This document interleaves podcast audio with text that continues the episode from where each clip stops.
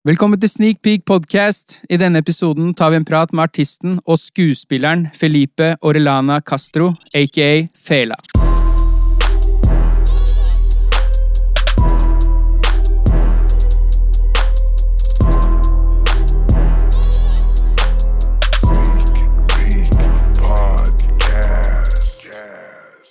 Tusen takk for at du hadde tid til å prate litt med oss. Takk for at dere ville prate med meg. Jo, selvfølgelig. Og veldig kult å få sitte her på Biblo på Tøyen. Det er et utrolig fett lokale.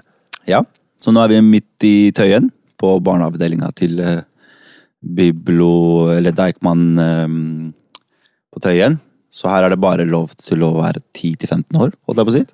Eller du kan komme inn, men du får ikke lov å komme helt inn hvis du er voksen. Her er det bare barn fra 10 til 15 som får lov til å komme inn. Det er et utrolig fett konsept. konsept. Mhm. Det er veldig kult. Det er liksom det kuleste stedet for kidsa i den aldersgruppa. Ja. Det er liksom åpen hver dag. Um, vi er til og med åpen på røde dager. Jul og nyttår. Ja, ikke sant? Så det er liksom et kult sted for kids. Hva er rollen din eh, her, da? Her er jeg vel um, Jeg bare passer på at ting går fint, egentlig. Jeg er ikke en bibliotekar her, sånn. Det er på en måte ingen som er bibliotekarer her, selv om de er bibliotekarer. Mm. Men um, det er vel bare å passe på at ting går bra. eh, passe på Passe på at eh, kjøkkenet går fint, og at folk får låne kort og låne bøker. Så det er liksom de daglige um, rutinene mine her. Så. Hvordan eh, havna du her? Jeg husker jeg møtte deg en gang på, i Storgata. Du jobba med ungdom der, gjorde du ikke det? Ja, det var på Agenda X. Ja. Der der jobba jeg i seks år, med litt forskjellige roller. Mm. Jeg starta å jobbe med et prosjekt som heter Storebror-prosjektet, som handla om å få kids eh, ut i praksisjobb, eller praksisplasser. Så da jobba de Da liksom hadde jeg sånn 20 ungdommer som jobba på skoler som, i praksisplass. Og så når eh, det prosjektet ble ferdig, og ikke eh, kunne fortsette, så begynte jeg å jobbe med et, eh, et tilbud som heter Åpent hus på AgendaX. X. Da var det sånn gratis mat til alle sammen. Um, alle aldre kunne komme inn og bare henge, egentlig. Og så De siste åra var jeg kulturansvarlig på Agendex. Da hadde jeg ansvar for alt fra workshops til sommerleir til uh, sånn daglige, daglige ting. Ordentlig fett å få jobbe med. da. Jobbe med ungdommen og gjøre sånne ting som virkelig er morsomt, liksom. Ja. Mm. Det er kult. Og man blir jo liksom flink til å skrive søknader og hente inn spenn og skrive rapporter og sånt. Fordi det er liksom Det er veldig åpent. Agenda var veldig, det er et veldig kult sted fortsatt. Eh, Men det var liksom Kidsa kunne bestemme hva de ville gjøre, da. Så hvis de hadde et kult prosjekt som de bare Hei, det her må vi gjøre. Så var det liksom ok, greit. Men da finner vi spenn til det. Søker litt spenn og sørga for at liksom kidsa på en måtes ideer ble ble liksom Mm. completed, da. Ja. Så da, da har vi gjort ganske mye kult. Vi har liksom gjort skole- musikkprosjekter med kids fra Oslo og kids i Belgia. Eh, Det var et kult samarbeid. Da lagde vi liksom låter på belgisk og på norsk. Oi. Vi gjorde samme type prosjekt i England. Um, Med rappere herfra og rappere fra England. Um, Eller kids, da. Fortsatt kids. Uh, Vi har vært i Romania, bodd i sigøynerlandsby i ti dager. Uh, Bare for å liksom gi dem et ordentlig sånn kultur... Sjokk, ja. Ja, Men hvordan, hvem er det som dekker de reisene? Er det Det er vi. Det er vi, liksom, vi finner spenn til dem på en eller annen måte. Det er liksom, det er alltid Det er alltid noen steder å søke spenn fra. I hvert fall hvis du er i en sånn organisasjon som Antirasistisk Senter, så har de liksom oversikt over hvor man kan søke spenn på. Så mm, man blir flinkere til å liksom være flink i språket når man skal søke om masse penger. Så Du, du står for søkinga, eller? Ja, ja, litt av dem. Men eh, det er liksom sjefene Sjefene der er supererfarne på det. Så man, man gir dem Man hjelper til, og så er det de som på en måte står for resten. Men Biblo på, på Tøyen, hvor det, det er ikke et helt eh, vanlig bibliotek? Rent bibliotek? Nei, det er jo ikke det. Eh, her har du Du har masse, og du har bøker. Så det er liksom et bibliotek, men det er det er, det er jo mye mer enn det. Vi har liksom aktiviteter her hver dag. Hver uke. Så har vi faste aktiviteter, og så har vi nye folk som kommer innom eh, prosjekter eller aktiviteter. Um, ja. Et møtepunkt for eh, ungdommen, på en måte. ja. Mm. Og så er det ikke de vanlige aktivitetene som vi har her. Vi har liksom vi har kodeklubb eh, fast, som er ganske kult. Da lærer kidsa seg å kode. Eh, de lager små devices. Eh, De mm, lager jo ja, sider. eh, De lager leker, mekaniske leker som går på batterier eller whatever. Sånne ting liksom lærer de å gjøre her. Vi har sjakkskole her med søstera til Magnus Carlsen. Vi har, um, vi har VR. Hver onsdag så får vi besøk av en VR-kar som setter opp et sånt svært VR-opplegg på scenen. Uh, gratis kan kidsa prøve VR. Um, syklubb. Vi har uh, matgruppe. Um, film Vi har kino hver kveld, hver, hver fredag. Mm. Um, ja, vi, har, vi gjør ting hele tida. Mm. Så det er ganske kult konsept. Eller kult, kult tenkt, liksom, i, i forhold til bibliotekverden. Mm. Så er det veldig annerledes. Veldig annerledes, ja.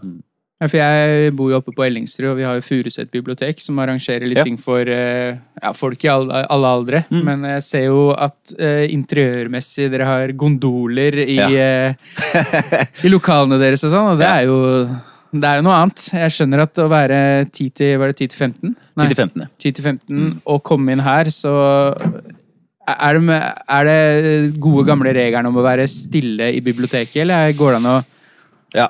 Du får ikke lov å skrike, du får ikke lov å løpe, du får ikke lov å være kjip mot noen. Eh, og så får du ikke lov å spise eller drikke hvor som helst. Så spising og drikking gjør vi på kjøkkenet, som er en lastebil.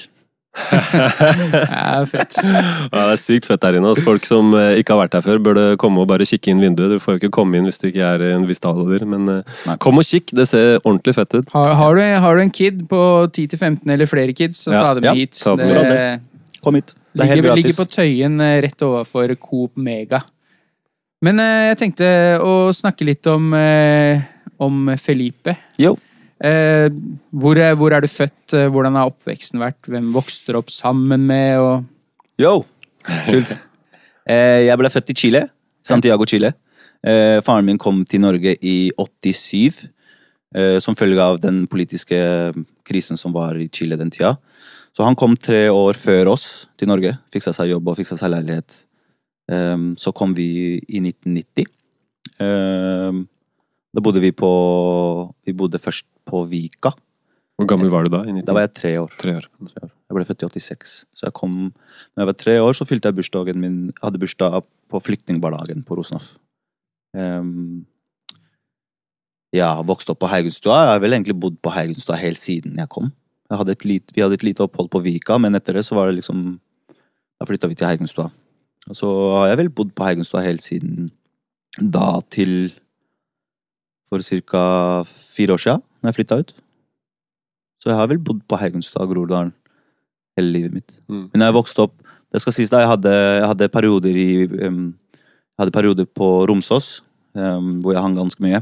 Så mye av ungdomstida mi er egentlig på Romsås. Okay. Da pendla jeg litt ut fra Heigenstad. Ja. Hva kom det av?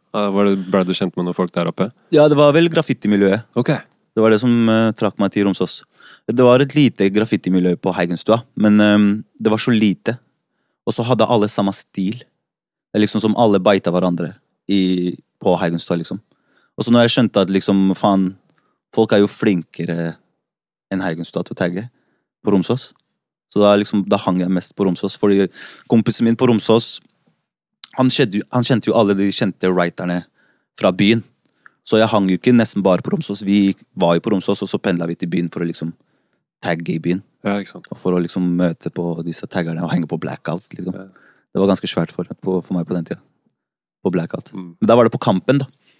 Husker, hvis noen husker Ja, ja. på Kampen, ja. Mm. Den lille sjappa der. Så det var det som trakk meg til Romsås. Ja. Etter det så var det vel en periode mm, tilbake på Haugenstua, og så pendla jeg til byen. For det var da, da kom musikken på en måte inn i bildet. Og på Haugenstua så var det ikke så mange som drev med hiphop. I hvert fall ikke med rapping, eller Turte ikke å si at man rappa, i hvert fall. Så da Da jeg begynte på videregående skole, så ble jeg kjent med Louis, som er chino. Som jeg rapper veldig mye med nå fortsatt. Degos, er ikke? Jo, Ja. stemmer. Og da starta vi Degos eh, ca. 2003. Ja. Cirka. Ja, så tidlig? Ja, 2003. Vi hadde første UKM-opptreden vår i 2003. Ja, her på Tøyen. Mm. Fun fact, eh, for dere bodde i den litt store blokka på Haugenstua, gjorde dere ikke det? Ja. En eh, kompis av oss, Kjetil, eller Smuk, som vi kalte den også, han, eh, han var tidligere med i det Mornings Recordings-greiene. Han var naboen min, han. Ja, ikke sant? Det var det jeg skulle komme til. At han, ja, at han bodde i, i blokka di, så Han bodde i oppgangen min. ja. Så dere hørte kanskje Ja, mange, jeg, tror hørte, hans? jeg tror han, han Ja. at han hørte dere spille musikk og, Ja. og drive og rappe og gjøre sånne ting. Og de gjorde vel det samme, dem også, på, på rommet hans. Ja. Ja. Men hvis vi, hvis vi tar litt sånn utgangs, ut, utgangspunkt i den blokka, Ja. hvem eh, var det du vokste opp med, bodde sammen med i den blokka? da? Eh, Det var vel um, Det var vel brutter'n. Eh, Jeg hang ikke så mye med Kjetil, som bodde liksom i første etasje. Eh, De hadde sin egen klikk. Mm. Ikke sant? Ja, Det var liksom de Ellingsrud-gutta Ja. og gutta hans som var der hele tida. De hang mye hos han, ja. Ja, ikke sant? Så, og, og jeg kjente jo Kjetil så vidt.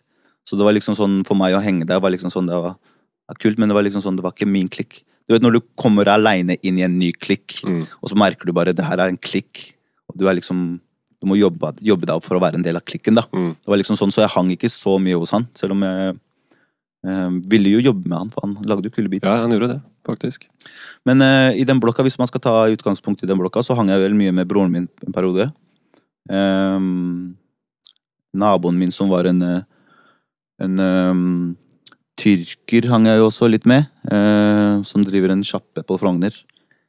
Um, men uh, hvis man skal si liksom ut ifra blokka, så er det vel brutter'n jeg har hengt, Var hengt mest det. Jonathan? Ja. Altså boss? Ja, Astro. Jonathan. Jeg hang jo med, med eldstebrutter'n også en god stund, da, men øhm, Men han, han drev jo med sitt. Mm. Jeg kunne jo ikke henge med han. Han, han drev jo på en måte med sitt, og jeg var litt for ung. Så når jeg ble litt eldre, så liksom var det kult for Jonathan å henge med meg. Så da ble det mest han. Var det musikk det gikk i der, eller var det, var det graph eh, med han også? Eller? Det var mest musikk. Det var ikke så mye graph med brutter'n, fordi vi, vi drev og beefa en periode, skjønner du. Med, med, med graphen. Det, Ja. Graffen og litt annet uh, Ja, vi beefa litt sånn, fra forskjellige kanter. Og graffen var liksom enda et område hvor vi beefa på. Så dere så liksom tags som broren min hadde skrevet ute, hvor han skrev 'fuck hvem'. Som var liksom gamle navnet mitt. Taggenavnet mitt. Så var det bare 'fuck Kem'. Fare. Så liksom Fare er brutter'n. Så han har liksom bare fucka meg. Og bare med Lina deg og, Ja. og sånne ting? Men Var det liksom sånn brødrebeef, eller var det ordentlig Var det seriøs beef, liksom? Eller var det mer sånn Det var, det var seriøst. Ja, ja. Det var seriøst. Hva kom det av? Nei, det, var, det, det er en litt sånn um, komplisert um, Det er ikke komplisert historie. Han, han, uh, han ble uvenner med noen fra Romsås, Mm. eh, og de ble jeg liksom bestevenner med. Så det var liksom sånn, han, han var bare sånn der eh, Hvorfor gjør du det her, da? Hvorfor er du, det er fiende, jo. Hvorfor, hvorfor backer du ikke brutter'n, liksom? Jeg tror han tenkte på det litt sånn. Um, så han likte ikke det i det hele tatt. Og, og så var det en av de fra Romsås som hadde bråk med han ene tyrkeren jeg nevnte. Mm. Fordi han tyrkeren var jo også med i crewet til brutter'n. Så når de begynte å beefe med han tyrkeren, så ble jeg også en del av den beefen. Så da beefa jeg liksom mot Haugenstua. Med Romsås. Men hvordan var det å komme hjem på kvelden, eller eh, og skulle liksom Dere, dere sov ikke på samme rom, håper jeg? Nei, på den tida der så hadde vi eget rom på Romsås. Nei, på Haugenstua. Ja. Men eh, det var bare kaldt. Det er superkaldt der, liksom. For eh, foreldra deres og sånn eh, hjemme, hva tenkte dem? Merka dem liksom at det var gnisninger, eller var det Ja, ja, ja. ja. Vi krangla jo masse. Ja. Liksom, vi beefa jo, vi sloss jo en del hjemme også.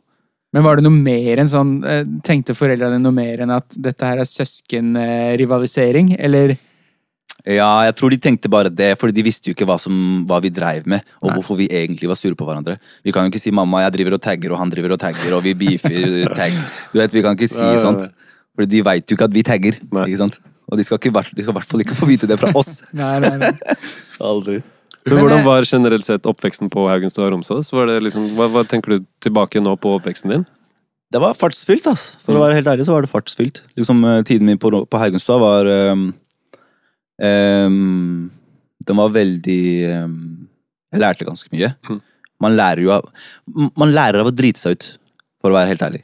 Så jeg har lært mye. Mm. Uh, det vil si, jeg driter meg ut mye.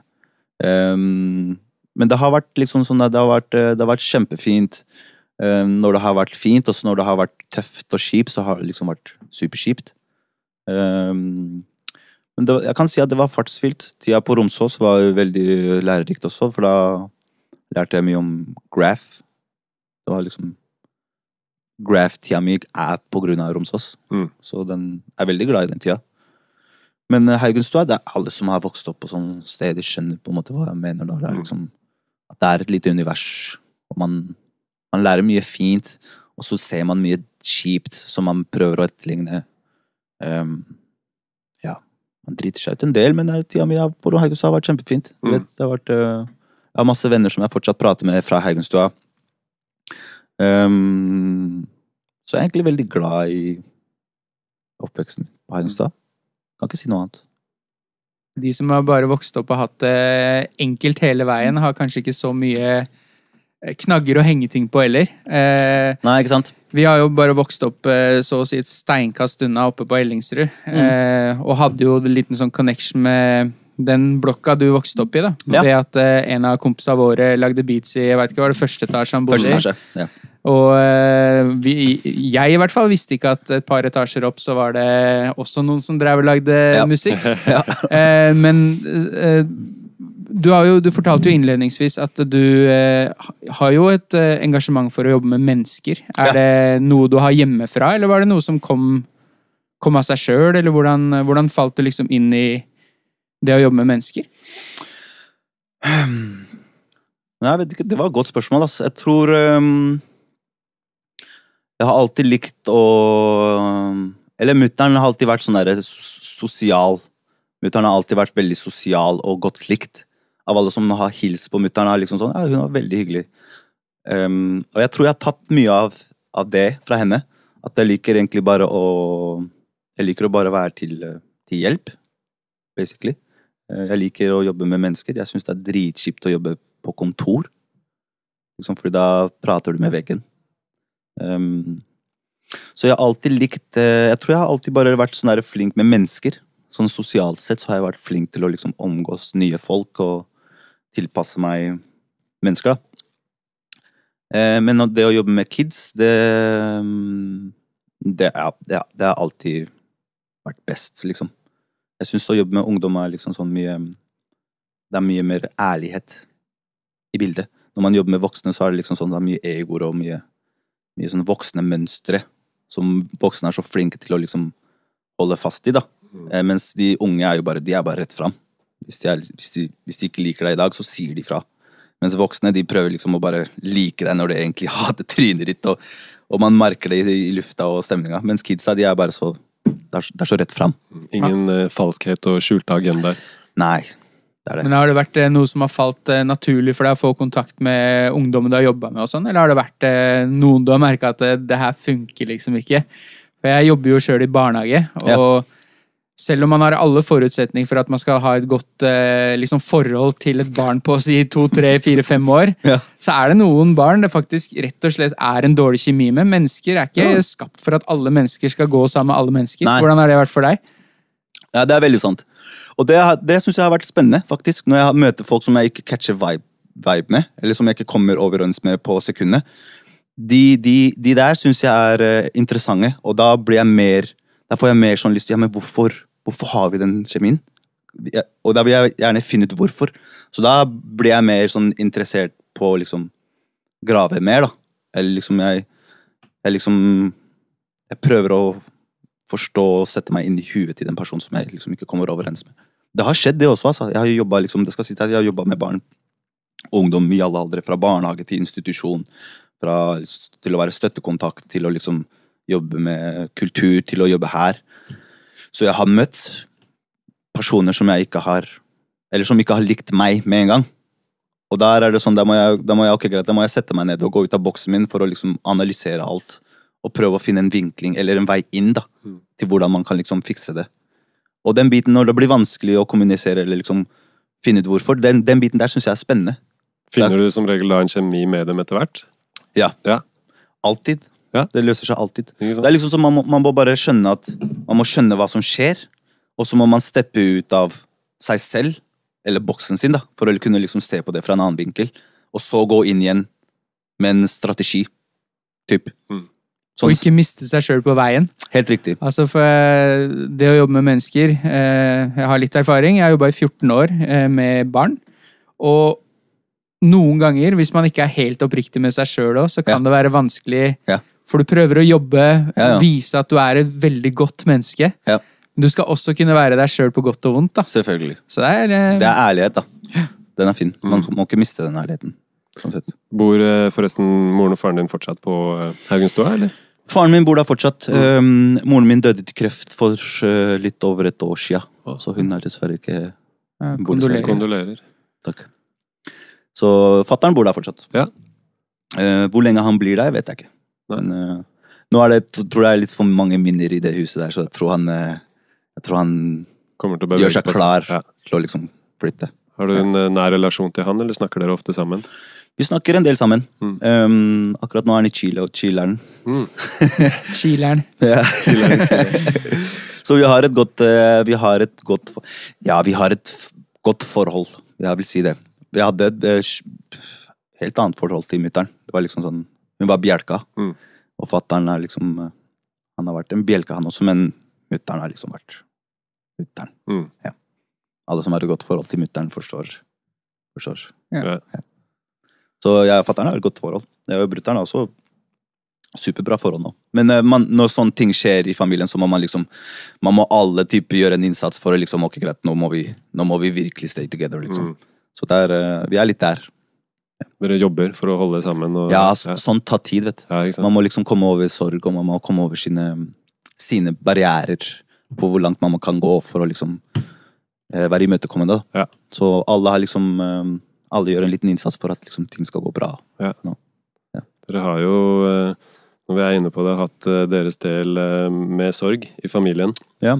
Vi var jo inne på storebroren din tidligere, Andres. Som eh, for meg og Tommy, eh, som har vokst opp i Groruddalen, Mm. han er jo litt av en legende, på en måte. Vi alle Ja. kjente jo til Andres da vi vokste opp, Mm. og han eh, gikk jo dessverre bort for noen Ja. år tilbake. Det var vel um, 2010. Så ni år siden. Snart. Det kan jeg tenke meg også har påvirka familien. Ja, wow. Den, den tida der var en um, Ja, det var et turning point, altså, for det var Mutter'n og fatter'n mista eldstesønnen sin, førstefødte. Mm. Vi mista liksom um, Vi mista han Big bro, liksom. Ja, Ja. storebroren. Mm. Så den, um, den tida der var veldig, veldig, veldig tøff. Um, I hvert fall for um, Jeg tror det var veldig hardt for uh, For mutter'n, Mm. faktisk. Jeg tror det var hardest for henne. Vi var jo ganske Eller liksom, vi var ikke så unge, men um, Livet vårt måtte jo gå videre, ikke sant? Så man må liksom På et punkt så må man bare konse seg på det. Mm. At livet skal gå videre. Hvis du konser på sorgen og sånn, så blir det bare mørkt. Det blir bare Kan ikke mørkt. legge deg ned og bare gå i fosterstilling og låse deg inne. Det Det er ikke, ikke det. vits. Det er liksom så mye mer du kan gjøre enn å bare bli grå, da. Mørkt. Så jeg hadde jo en liten periode i den, um, i den kjelleren, men um, Men um, jeg måtte jo passe på barna hans, og barna hans trengte jo familien. Så da var det liksom sånn Nei, det er ikke vits at livet mitt også skal gå til helvete av det her. Selv om det er jævlig kjipt. Men um, Men uh, vi er jo mennesker. Vi klarer å tilpasse oss alt sammen. Mm. Man må bare innstille seg på det. Det er det jeg lærte den dagen. Ja. Så det, den, den der var en, en bulk. Ja. Men uh, mutter'n var også en bulk. Vi har jo mista, vi har jo mista flere kompiser, liksom. Um, Skjer litt action utafor her. jeg er på tøyen, altså. Biblo er populært. Det er noen som vil inn. Noen som syns det er trist at det er stengt. Nei, men jeg tenkte kanskje vi skulle gå litt inn på Du er jo en artist Ja. eh, og har holdt på med musikk lenge. Eh, du fortalte jo at eh, Degos starta opp i var det 2003. Vi starta i 2003. Ja, vi begynte vel å rappe sånn litt før det, men det var offisielt da vi lagde vår første låt. Så da var det offisielt. Så det var Degos før Breaknex, altså? Ja, ja. Ja, ja. Lenge før. Mm. Lenge før. Hvordan, du kan jo starte litt da med hvordan begynte du med musikk, og hvor, hvor kom det fra? på en måte? Hvor fikk du Ja. dette fra? Eh, det starta med, som sagt, med Louis. Eh, Louis hadde en kompis som var DJ og produsent, og hadde studio i byen. Eh, jeg visste ikke hvem det var, men når jeg hilste på han, så så jeg på han, og så sa jeg Du gikk på Rosenhoff barnehage, du? Han bare ja. Det gjorde jeg òg. Så han bare Oi, fett! og så bare har du, har du sett det bildet her? Så yo, det bildet henger hjemme hos meg! Så han hadde liksom, vi hadde samme bilde fra det liksom alle sitter og smiler til kameramannen. Avdelingsbildet. Ja, helt riktig. Den der, Ja. 2000, eller liksom der årstallet og ja. Så vi gikk i samme barnehage. jeg og han DJ-en som Louis kjente. Så da var det sånn, ok greit, det her er meant to fucking be.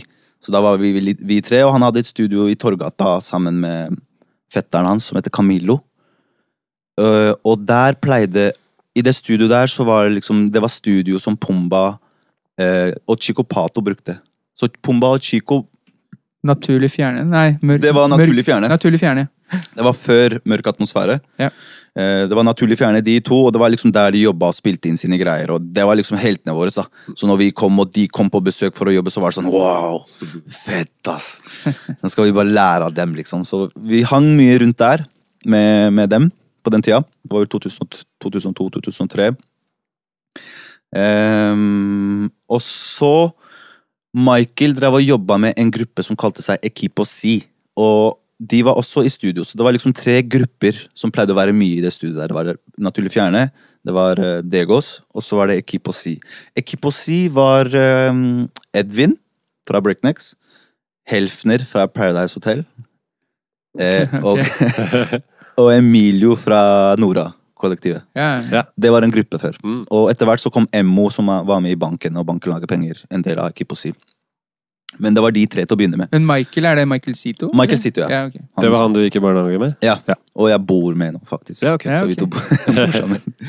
Eh, Så det var der det starta for meg. Mm. Etter hvert så kom jo Danny mer og mer inn i bildet, og da ble det naturen mørk atmosfære. Typ. Danny Boy? Danny Boy, ja. Ja, ja. Eh, Chico gjorde litt sånn eh, um, Ja, Chico drev eh, med Et eller annet skjedde med Naturlig Fjerne. Mm. Så da var ikke det Naturlig Fjerne lenger. Og så begynte Pumba og Danny å rappe sammen, så ble det Mørk atmosfære. Eh, så det var der det starta for meg. Etter det så var det vel eh, Mens jeg gjør det her, eh, i byen, så driver Jonathan, brutter'n, og henger på en folkehøyskole et eller annet sted med tre andre og lager musikk. Eh, og de lager en gruppe og kaller seg Breaknecks. Eh, så de Du var klar over at han eh, holdt på med, Eh, med musikk da, eller? Ja, jeg fikk liksom jeg fikk, jeg, fikk, jeg fikk liksom høre rykter om det. Han sa aldri til meg 'yo, jeg, jeg rapper'. Fordi det var liksom sånn, vi er for stolte og for til å liksom ha en sånn prat til hverandre. Det var midt under liksom Ja, ja. kranglinga. Oh, ja, så dere var fortsatt litt sånn biffing eh, mellom dere, altså? Ja. ja. Eh, Så vi snakka ikke så mye sammen, men eh, jeg hørte rykter om at han rappa, og han gjorde det samme. Eh, Så var vi vel Jeg tror vi holdt på med Degos i sånn cirka to-tre år, typ. Eh, Jonathan og dem drar og fortsatt tar opp låter på Fol- Folkehøgskolen. Ehm, og så er jeg på fest med dem en gang, og så viser de meg disse låtene. Og så Og så bare yo, det her er dritfett, kult. Um, og så går det litt fram og tilbake, så får jeg han, han får sett våre låter. Og når vi har liksom vist disse låtene til hverandre, så blir det liksom så ok, greit, da.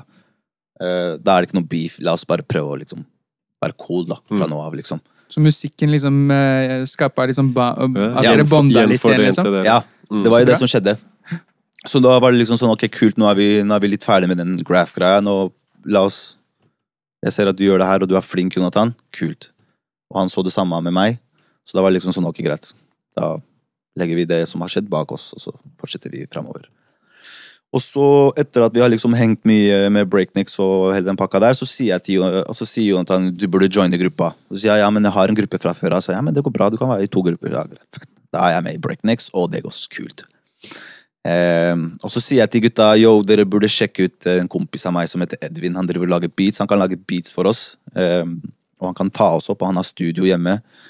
Så vi kan jobbe med han. Og han var 13 år. 13, 13 år på den tida, Edvin. Og han lager beats. Og han ble 14 år når han ble med i Breaknecks. 14-15 år. Han lagde beats, eh, miksa ting. Hadde alt sammen liksom hjemme.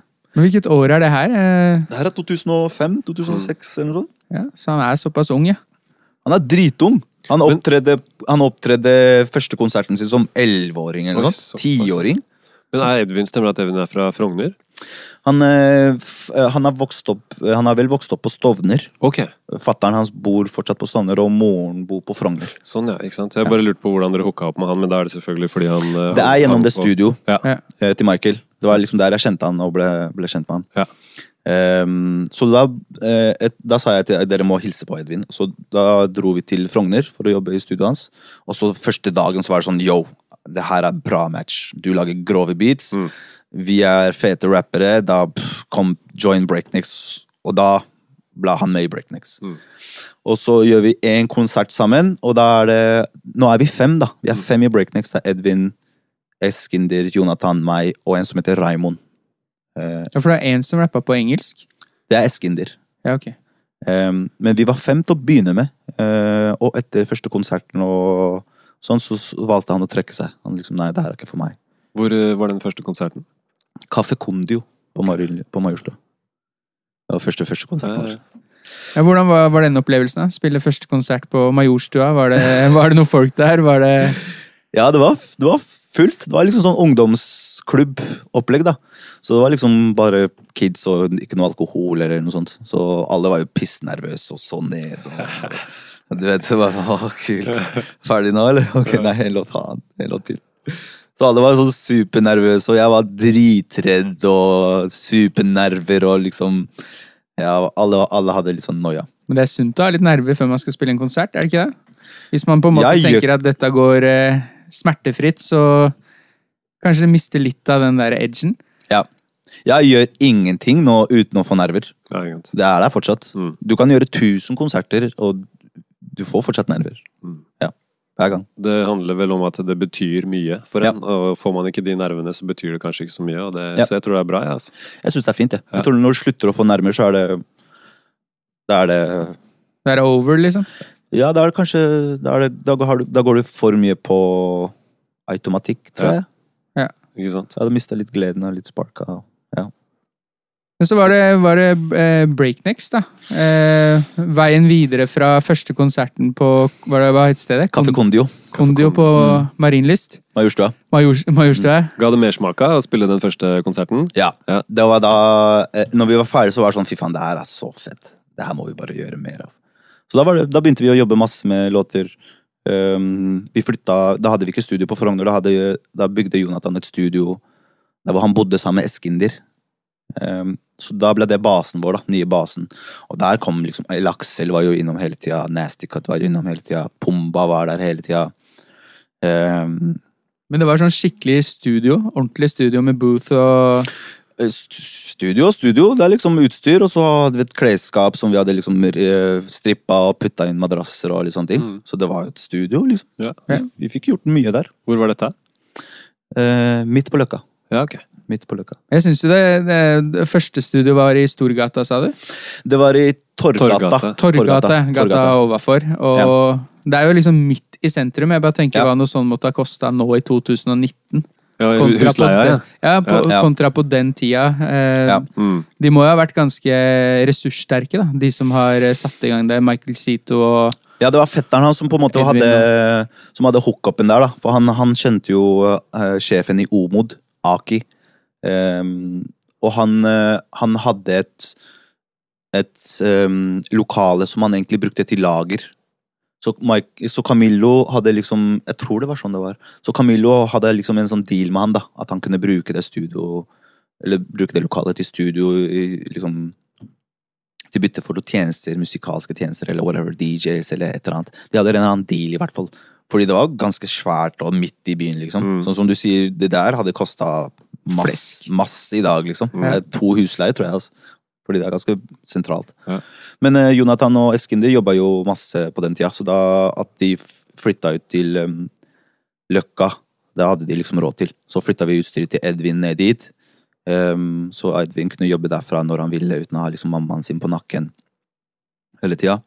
Så da hadde vi det utstyret der, vi hadde lokale, så da bare jobba vi masse. Hadde konsert på Tryvann, husker jeg. Vi hadde et par sånne små konserter. Var det russetreff, eller? Ja. Jeg mener jeg så dere på blå en gang. Jeg husker ikke året, men jeg mener jeg så dere på blå en gang òg. Ja, vi har gjort det På den tida så var det vel blå Vi gjorde vel eh, warm-up for Aksel et par ganger, Ja. tror jeg. Um, og Gatas, tror jeg. Jeg er litt usikker. Ja. Men vi hang veldig mye med Pass It. Ja. På den tida så var liksom så når, begynte, når jeg begynte med Deogos på Torgata, så var liksom Naturlig Fjerne og Pass It Mm. De var liksom gudene våre, da. Vi så skikkelig opp til de, og liksom faen, en dag skal vi bli de, altså. Mm. Vi skal bli like fete, og faen, jeg skulle ønske vi kunne møte de, og vi var liksom superfans, da. Så at vi liksom fikk Passit på besøk på Løkka, det var jo ganske svært for oss. Det var liksom jævlig kult å ha, å ha de i huset til å gi oss råd, eller legge vers, eller whatever. Så det var jævlig kult. Men jeg syns det er en fin sånn overgang, for dere hadde jo noe som het Break Records også. Ja, det kom etterpå. Ja. Det Det kom senere. senere. Men var det liksom et produkt av å se opp til Passet og de gutta at det, nå skal vi kjøre i gang med noe Det var bare derfor. Det var det. Ja, det var bare, vi ville lage vår Passit. Det var, det var jo derfor vi lagde Break Records. Break Records kom litt etter dette her. da. Det kom liksom i 2000 og Jeg tror vi lagde, jeg tror Brutter'n lagde Break Records i 2010-2009-ish. Ganske seint. Jeg syns jeg leste at det første break, Rec- nei, Breaknecks-utgivelsen var 2009, kan det stemme? Eller var det noe før det også? Det kan stemme, ass. Jeg tror det var første mixtapen vår. Ja, Groruddalen 1. Ja. 1. Det var det jeg syns jeg leste. Ja, det var 2009. Du har helt rett der. Mm. Da ga vi ut 2000, ja, eh, Groruddalen-mixtapen. Og så syns jeg jeg leste at Break Records kom inn i bildet sånn i 2009-2011 eller noe sånt nå. Ja, det, du, jeg Ja. tror du har rett der. Ja. Og da starta brutter'n Break Rec, og jeg tror han starta først med å gjøre workshops for kids. Eh, liksom lære å skrive en tekst. Eh, jeg tror det var da, derfor de lagde hele selskapet og sånt. Lagde logoen og litt sånne ting. Og når det gikk bra, så tenkte vi ok, greit, fuck it, la oss kjøre et kollektiv. da. Vi prøver å lage et kollektiv sånn som Pass It. Masse artister, masse produsenter og et fett lokale. Da hadde vi lokale på Vika. Um, så da lagde vi Break Break med masse artister, kule produsenter. Er, det, er det noen av de artistene som har liksom tålt eh, tidens eh, tann, liksom? Som fortsatt, eller har blitt noe eh, større Flexi. etterpå? Flexi. Flexi holder fortsatt på. Han var jo en del av Break Break på den tida. Flexi Eh, Aukan. Flexi Aukan, ja. Kjære til Flexi. Eh, han var en del av det. Eh, Tredjestand var jo på en, måte, på, en måte, på en måte også Break Wreck. De holder jo fortsatt på. Edvin Eh, holder jo på. Edvin holder jo på Men det Jo, Edvin holder jo også på. Eh, Temor var jo også en del av det. Mm. Han holder jo på, han òg. Ja, han, eh, han hadde jo en ganske stor låt til den Barneranerne-dokumentaren. Ja. Temor er en flink rapper. Mm, han er. Han er en veldig flink rapper. Han, eh, han kommer vel forhåpentligvis med en ny greier i, i år. Så han holder jo fortsatt på. Av produsenter og sånt fra den tida eh, Ja, vi hadde en produsent som heter Loki, som var på en måte inhouse-produsent. Som også holder fortsatt på nå. Han er jo med i det bandet som Når jeg først starta å jobbe med band, så lagde vi et band som heter The Silky Johnsons. Mm. Og da ble han bassist. Dem er dyktige. Ja, wow! Mm. Fett band, ass. Det groveste bandet jeg har jobbet med. ass. Jeg har liksom tolv stykker på scenen. Ja, Det er storband. Ja. Storbandprosjekt. Så Thomas Loki holder jo fortsatt på. Eh, resten har vel bare gått til sitt, Ja. typ. Day and Night var en gruppe fra Furuset som ikke rapper lenger. Ja, de har også spilt oppe på Ellingsrud på Ellingsruddagen, eh, Ja. og jeg lurer på om eh, Olav var den eneste fra den gruppa som holder på nå. Ja. Ko- Koron. Nei, for, for eh, du, du nevnte jo Temor, eh, ja. og tidligere så nevnte du, eh, når du jobba for Agenda X, eh, dette med å søke penger og sånn. Ja. Eh, ut på YouTube så har, du- er det jo en video som har eh, nesten 29 000 views, Ja. som heter eh, Felas Original Ja. eh, Experience. Cypher. eh, Experience eller Cypher. Ja, Cypheren, ja. Ja, og det er vel i regi av Adidas, er det ikke? Ja, det Hvordan- stemmer. Og der er Temor, og du har eh, Jonas eh, Benjob. Eh, så har- Blesson, Pasha eh, Jester har lagd beats fra Jester har Gatas lagd- Parlament. Gjester har lagd beaten. Eh, Vent, da, men flere rappere var der, da? Rick eh, var også der. Han, som var, han lagde en eller annen 42 remix-låt. Um, han er der. Eh, Iliad. En, som heter, en rapper som heter Iliad. Han var jævlig flink. Jeg, håper, jeg vet ikke hvorfor han slutta å rappe, men han var veldig flink. Han også var på den cypheren. Eh, også hun ene som var DJ der, har jo blitt en dritflink DJ nå. Eh, DJ Melange. Å ja, eh, kjenner jeg ikke til. Sineb. Men Hun, dere hadde jo noen dansere midt i der også. Var det, er det noe dance crew som eh, fortsatt holder på, eller er det, var det mer sånn fritidsklubb? ja, ja, ja, hun ene holder fortsatt på. Eshi, tror jeg hun heter. Eh, hun holder fortsatt på til å danse. Men hele den greia der var jo en konkurranse. Adidas la ut en sånn Adidas Originals, Originals-konkurranse. Mm. Uh, pitch en kul idé. så kan du vinne en premie. Uh, jeg pitcha en kul idé. Uh, eller ideen min var å Ok, hvis jeg vinner, så skal jeg lage en hel uke med workshops til kids gratis. Og så avslutter vi det med en feit konsert. Hvor vi viser frem hva de har gjort på workshopsa. Så da hadde vi Planen min var å lage en, en, workshop for DJ-ing, rapping, sang, design, klesdesign, eh, video og foto, tror jeg. Og syv kurs du kunne velge mellom. Men blei det noe konsert og sånn, da? Ja, ja. Vi hadde, en hel uke med, med, vi hadde en hel uke med workshops. Eh, Karpe kom innom for å inspirere kidsa. Um, Vibeke Sørli kom innom for å ha et foredrag for kidsa som Hun som inspirasjon. står bak Stjernekamp. Big eh, up, AFN. Uh, hun kom innom. Um, og så hadde vi Vi hadde alle disse eh, kursene. De som, de feteste, den feteste workshopen på den uka var jo eh, design, hvor du kunne designe dine klær. Så da fikk du Adidas klær du kunne remake, eller sy om, Så, eller klippe av, eller whatever. Det er fett. Ja, ja, Så de fikk liksom racks med racks på, med Adidas klær som de kunne bare gjøre hva de ville med. Var det noen fra Adidas som kom og så på det, eller noe sånt? Eller Ja, det... vi, vi hadde, vi hadde Adidas, eh, norske sjefen i Adidas var der.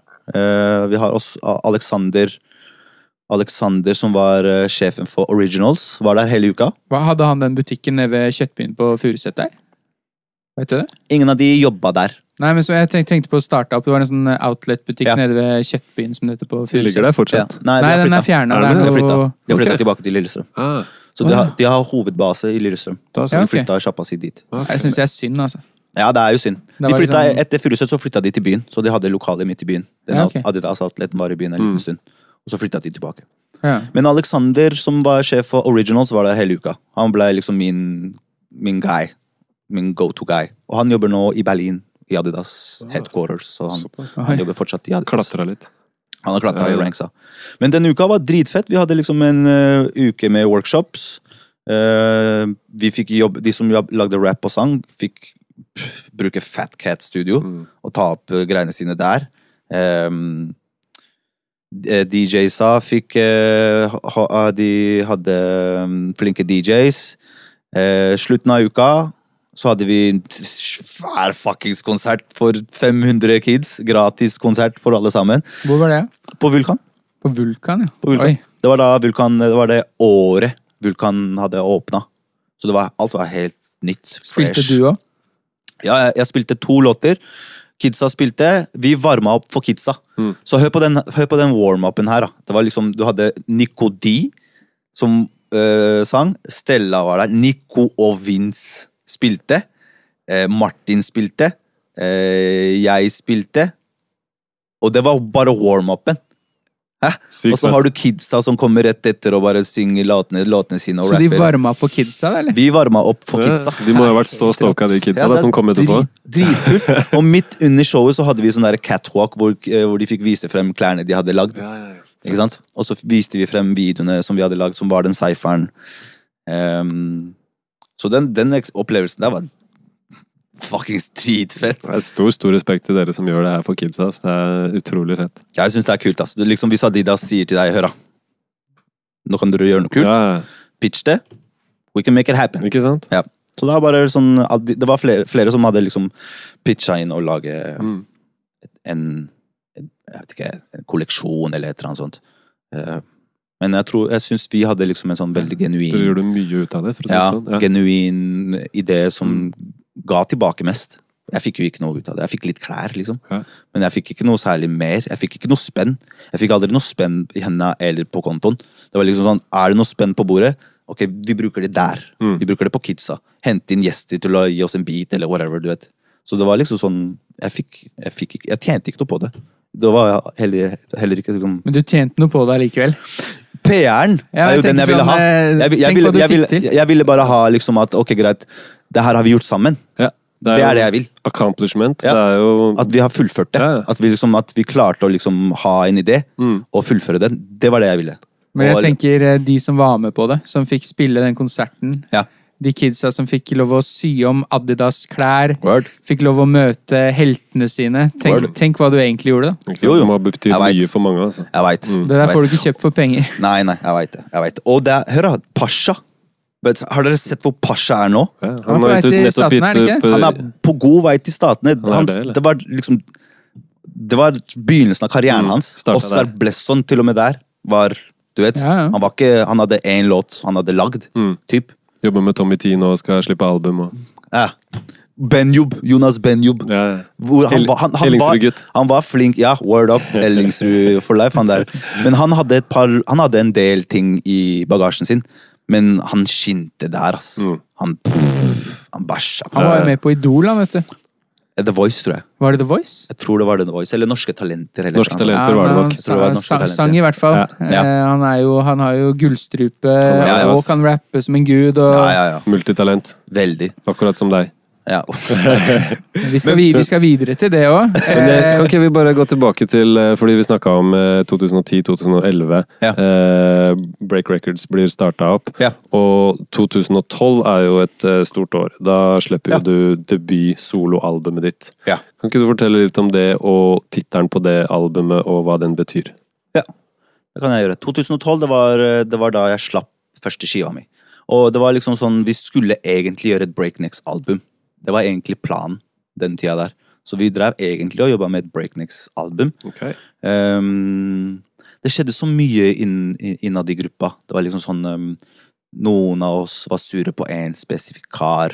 Uh, de an, vi andre hadde liksom sånn derre Det er et eller annet i lufta mellom oss, men man sier det ikke. Så det var liksom vibes, typ. Um, og på et punkt så var det litt sånn der Jeg bare trakk meg ut, jeg. Trekk, nok, trekk, nok gidder jeg ikke, liksom. Eh, Jeg må, jeg, må, jeg må få ting gjort. Så da Da, da jobba jeg litt med soloprosjektet mitt. Eh, som jeg visste skulle hete Dure. Og det var liksom gamle Graff-navnet til brutter'n. Som hadde gått bort to år tidligere. Så da liksom eh, den, den, eh, den skiva her skal hete Dure. Det var liksom Før jeg hadde alle låtene på plass, så var tittelen allerede på plass. Um, ja. Den skiva var, var vel ehm, Var vel noe jeg er veldig stolt av fortsatt. Ehm, vi viste den til ehm, Bjørn Rokstad. Han jobba nå på EMI. Eh, Bjørn Rokstad likte den veldig, så han signa meg til EMI for en distribusjonsavtale. Og når den kom, så Den gjorde den gjorde det den gjorde, holdt jeg på å si. Den, den, den ble godt tatt imot. Virka sånn. Ja. Mm. Den ble veldig godt imot. Står i hylla mi. Ja, fett. Og jeg var for seint ute. Jeg prøvde å kjøpe en da du spilte på Ellingsdagen det året, og så var det tomt. Ja, det var tomt. Så det vitner om at eh, folk var interesserte. Kjøpte opp hele opplaget. Ja, det var veldig Det, det gikk skikkelig bra. Jeg visste, ikke, jeg visste ikke at den skulle gjøre så bra. Jeg, jeg gikk To dager etterpå så gikk jeg til eh, platekompaniet for å kjøpe den, og da hadde de bare «Hei, jeg er utsolgt. altså. Så du må gå til, du må gå til eh, Majorstua. Ikke til Majorstua, nei, den er utsolgt her også. Altså. Så du måtte faktisk kjøpe din egen skive, da? Jeg, jeg ville gjøre det. Jeg ville kjøpe min egen skive. Selv om Ja. jeg hadde en bunke på plate- plateselskapet liksom, som venta på meg, men jeg bare nei. Jeg, Det er noe spesielt med det. Gå i ja, butikken og kjøpe sitt ja, eget ja. album. Det er ja, klart det. fy faen, altså. Jeg har jo, hengt, jeg har jo vokst opp på platekompaniet. Liksom, og, ok, jeg henter en sånn stack med CD-er, og så hører du på alle sammen. Og så ser du gjennom bukletten mens du hører på. du vet. Sånn vokste jeg opp. da, du vet. Jeg gikk til platekompaniet for å sjekke ut ny musikk. Så den hang igjen litt, da, så jeg måtte liksom til platekompaniet for å kjøpe meg den. Og da, da var det gjort. Den gjorde det dritbra. så Den ble veldig godt likt. Den vant en pris. eh, Wimp-prisen. Mm. Eh, Wimp-prisen kom av at Spellemann droppa hiphop som en kategori akkurat det året. Så da hadde ikke Spellemann en hiphop-kategori eller en pris, så da var det urban som blei den nye kategorien. Eh, og fordi de tok vekk hiphop, så ville Vimp gjøre noe for hiphop. Mm. Så Vimp lagde den prisen egentlig som et slag mot Spellemann. Ikke sant? Et Ja. stikk til Spellemann. Ja. Hva er det dere driver med, liksom? Ja. Mm. Og det var vel eh, Hvem var det som var nominert til den prisen? Det var, det var gode eh, Gods, eh, RSP og Tomax, eh, meg og Karpe. Mm. Eh, det var vel eh, Hvilken skive var det, ja? Jeg tror det var Fire vegger? Nei. Aldri spist en Aldri Nei. Jeg har aldri solgt en løgn. Aldri solgt en løgn, Ja, kanskje? sant? Tror jeg. tror det var den. Kan stemme, det, altså. Jeg er litt usikker. I hvert fall det var vi fire som var eh, head to head på prisen. Og det egentlig, det var bare sånn avstengning på Facebook, så og, og Karpe promoterte det egentlig ikke på sidene sine. Hadde de kommet med én post om at yo, vi er nominert, så hadde de vunnet. For folk hadde bare ja, lett. Fans av dem er jo 100 000 ganger større enn min, min fans. Men eh, de la ikke ut én post i det hele tatt. Fordi de hadde akkurat vunnet Spellemann Urban-prisen. Så det var liksom, for dem å vinne eh, hiphop Jeg vet ikke om de gjorde en effort, eller jeg veit ikke, ass. Kanskje de gjorde det bevisst, bare holdt seg unna og tenkte at noen andre kan få den. på en måte. Kanskje. Jeg vet ikke. Det kan jo hende at det også ville blitt en stor, eh, stor greie ut av det. At Sikkert. da Wimp eh, på en måte kom et lite stikk til Spellemann, og da har vunnet Urban Ja. i Spellemann, ville vært Ja. litt illojalt. da. Jeg veit ikke åssen man tenker på det. Kanskje. Jeg vet ikke. Mm. Men, eh, men eh, Så da vant eh, skiva mi vant i hvert fall, da. Over, den, over alle de fire. Og den ble Ja. jeg syns det var fortjent, jeg. Altså. Ja, Jeg liker liker den skiva skiva veldig godt. Mm, det er kjempefint. Den må folk sjekke ut, eh, dere som hører på. Dure Takk. på Spotify. Mm. Wow, wow, wow. Så etter det var det vel eh, Det var ganske eh, eventyrlig stund. Den, akkurat den tida der. For det var liksom, det var liksom Vimp-prisen, Adidas-prisen. Året etter så var det Rap-valg, som vi også vant. Stemmer. Så det var liksom sånn to Det var tre år med liksom fete ting.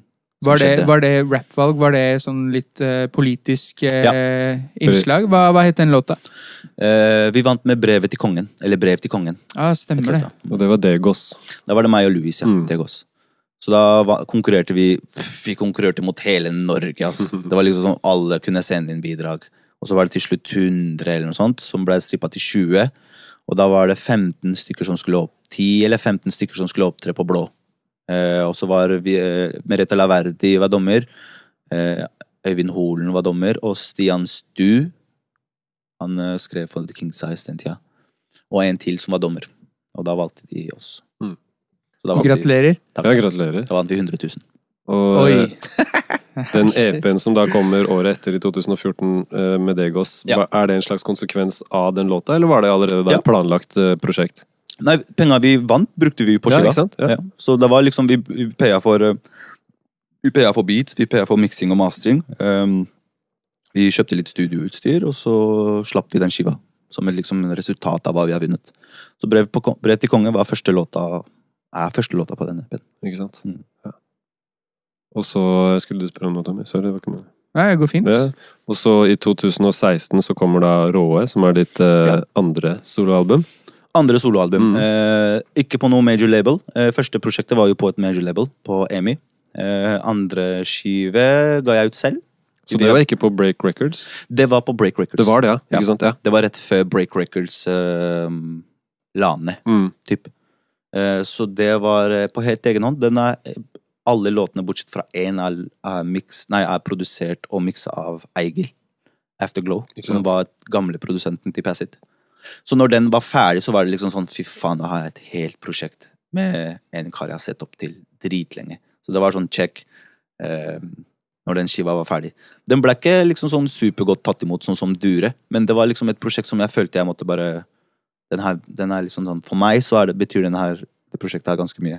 Fordi jeg og Eigil er, vi har liksom blitt gode venner gjennom årene, og at vi fikk lagd den skiva her sammen, var liksom, det betydde ganske mye for meg, da.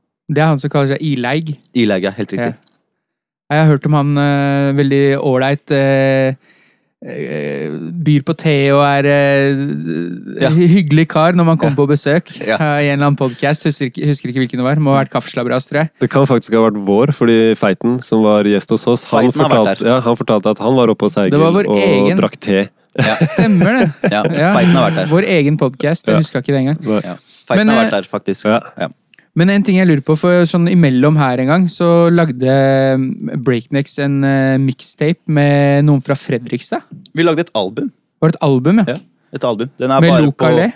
Med Loka Le. Den er bare på Spotify, da. Den er ikke liksom på, nei, på YouTube. Den er ikke på Spotify eller noe sånt. ja det syns jeg er litt synd. Hvorfor, hva, hva kommer det av? Eh,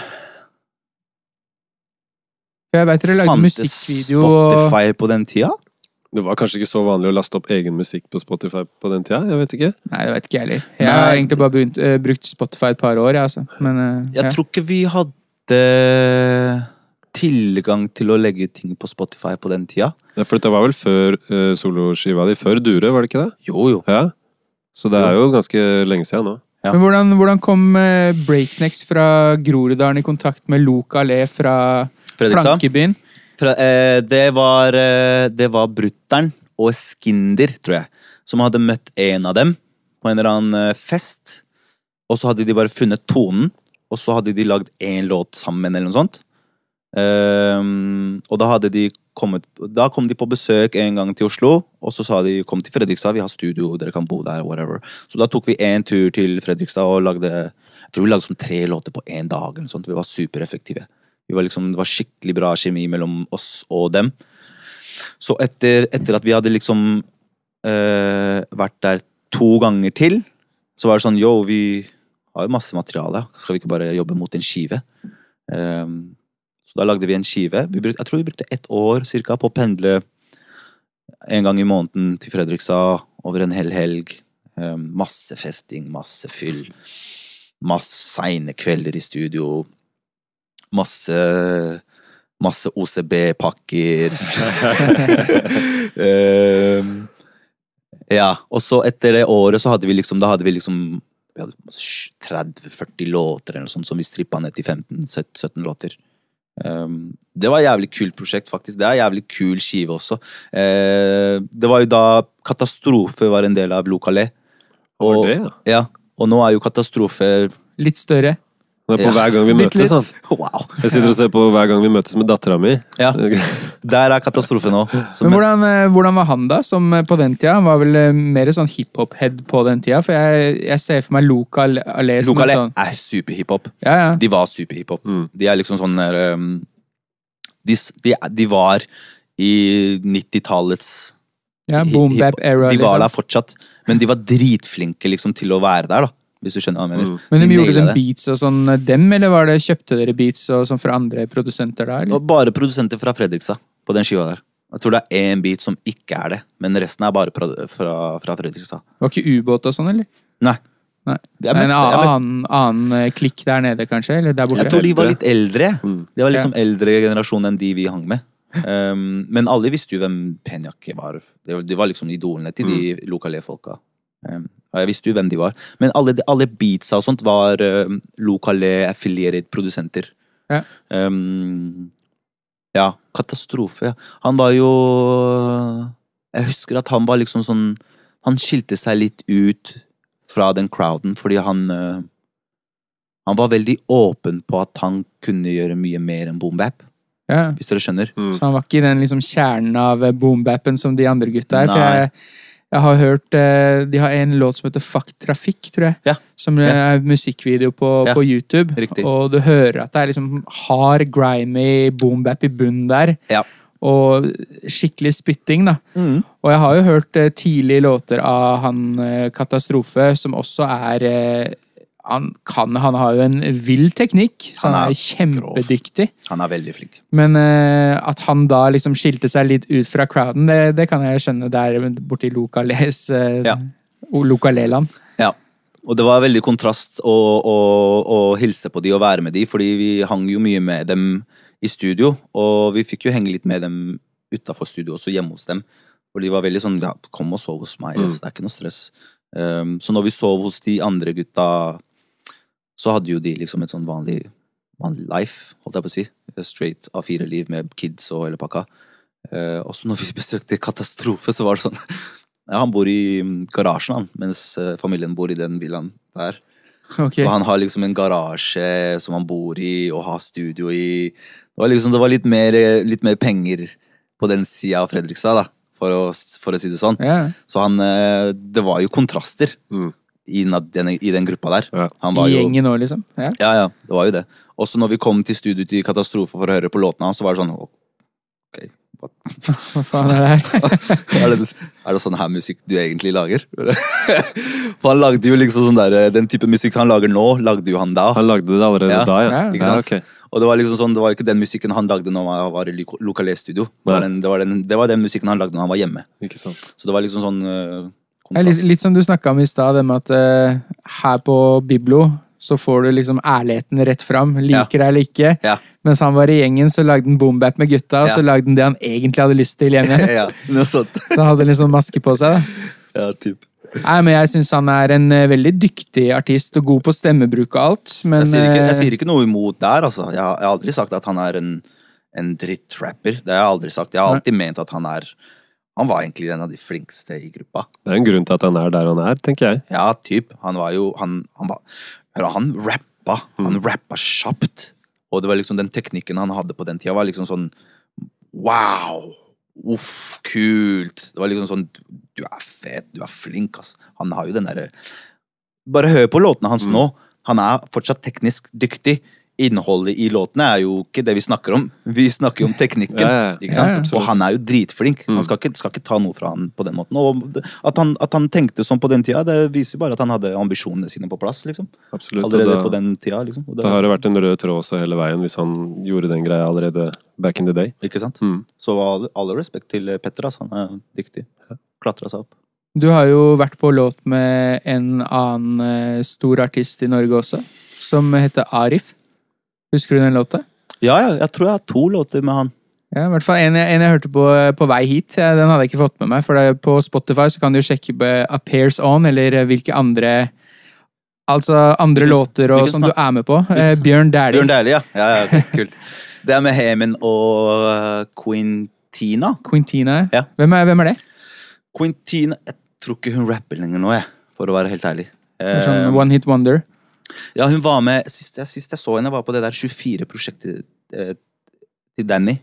Han hadde sånn 24-timer-prosjekt. Ja, 24 rappere, 24 låter på 24 timer eller noe sånt. Ja, helt riktig. Lage en tape på 24 timer. Mm, Fuckings såpass, ja. intensivt. Jeg møtte hun der, og det var sist gang jeg møtte hun. Og etter det har jeg ikke hørt noen låter av henne. Kanskje jeg ikke har fulgt med henne.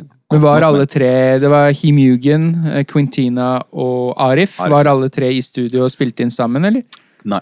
Ingen møtte hverandre, tror jeg. Jeg tror det var sånn e-mail-låt. Mm. sånn over nett. Ja. Eh, Første låta jeg gjorde med Arif, var jo en Stella-remix.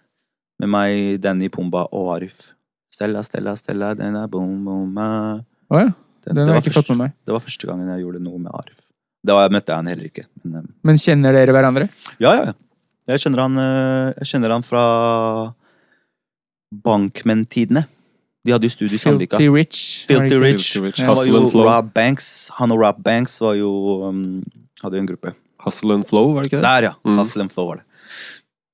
Før det så het de Jim and Joe, eller et eller annet sånt. Jeg husker ikke. Men jeg, jeg, jeg ble jo kjent med dem på den tida. Det er mange år siden.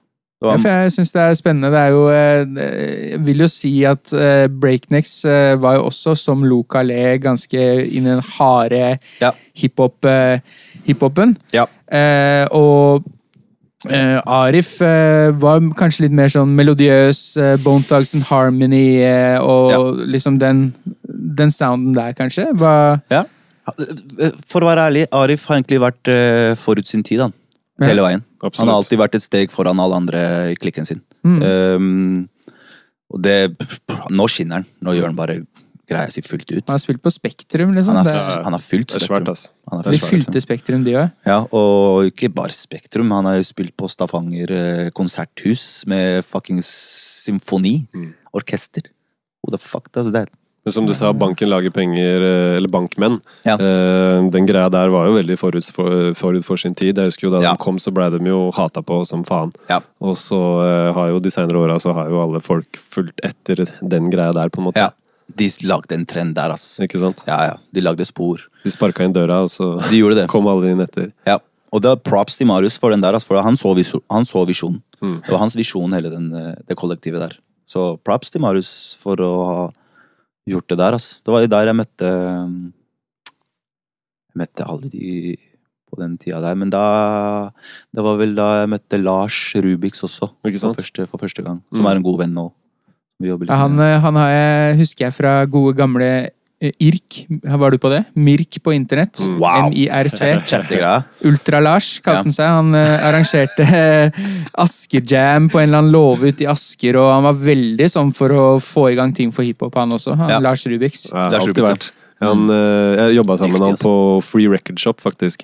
Ja, okay. En liten stund, og da husker jeg altså han eh, prøvde å dra meg med på å starte et slags kollektiv og Ja. noe studiogreier og sånn, så han har alltid put in mad work, han, altså. Men det er jo kult å vite at liksom, den campen der, så var det mange som var liksom på den der at nå skal vi bygge noe. Ja. Og han Marius vi snakker om, er jo da Marius Solberg. Marve. Fra YLTV. YLTV. Ja. YLTV og Kaffeslabras. Ikke sant? Han var jo Han var jo Han hadde jo business-minden Ja. på den tida der. Så han skjønte jo på en måte at eh, her kan jeg gjøre noe, liksom. Så det var jævlig bra gjort av han. Han og Jonathan, broren min, har liksom hatt den derre kollektiv visjonen. De, og de gjorde det. Så props for dem at liksom de gjorde det, fordi det satte ut så mange spor. vet du. I Mm. hvert fall det med bankmenn og det der. Det gjorde mye for Sandvika og Asker-rappere. Liksom, de fikk lyst til å liksom, vise seg frem mer. og det ga liksom Asker og Sandvika-rapperne litt mer selvtillit. da. Ja. Fordi når de her kan gjøre det, så kan faen meg vi også gjøre det. Liksom. Så big up til uh, Marve for den der. altså. Han er, Eh. han er for Sandvika og Asker-rapperne som NMG-G-huset er for Bergen, For Bergen, tenker jeg. Word. Men jeg tenkte jeg skulle spørre deg om, eh, om broren din litt, skjønner du, fordi han eh, eh, Jeg husker jo det da du slapp Dure. Ja.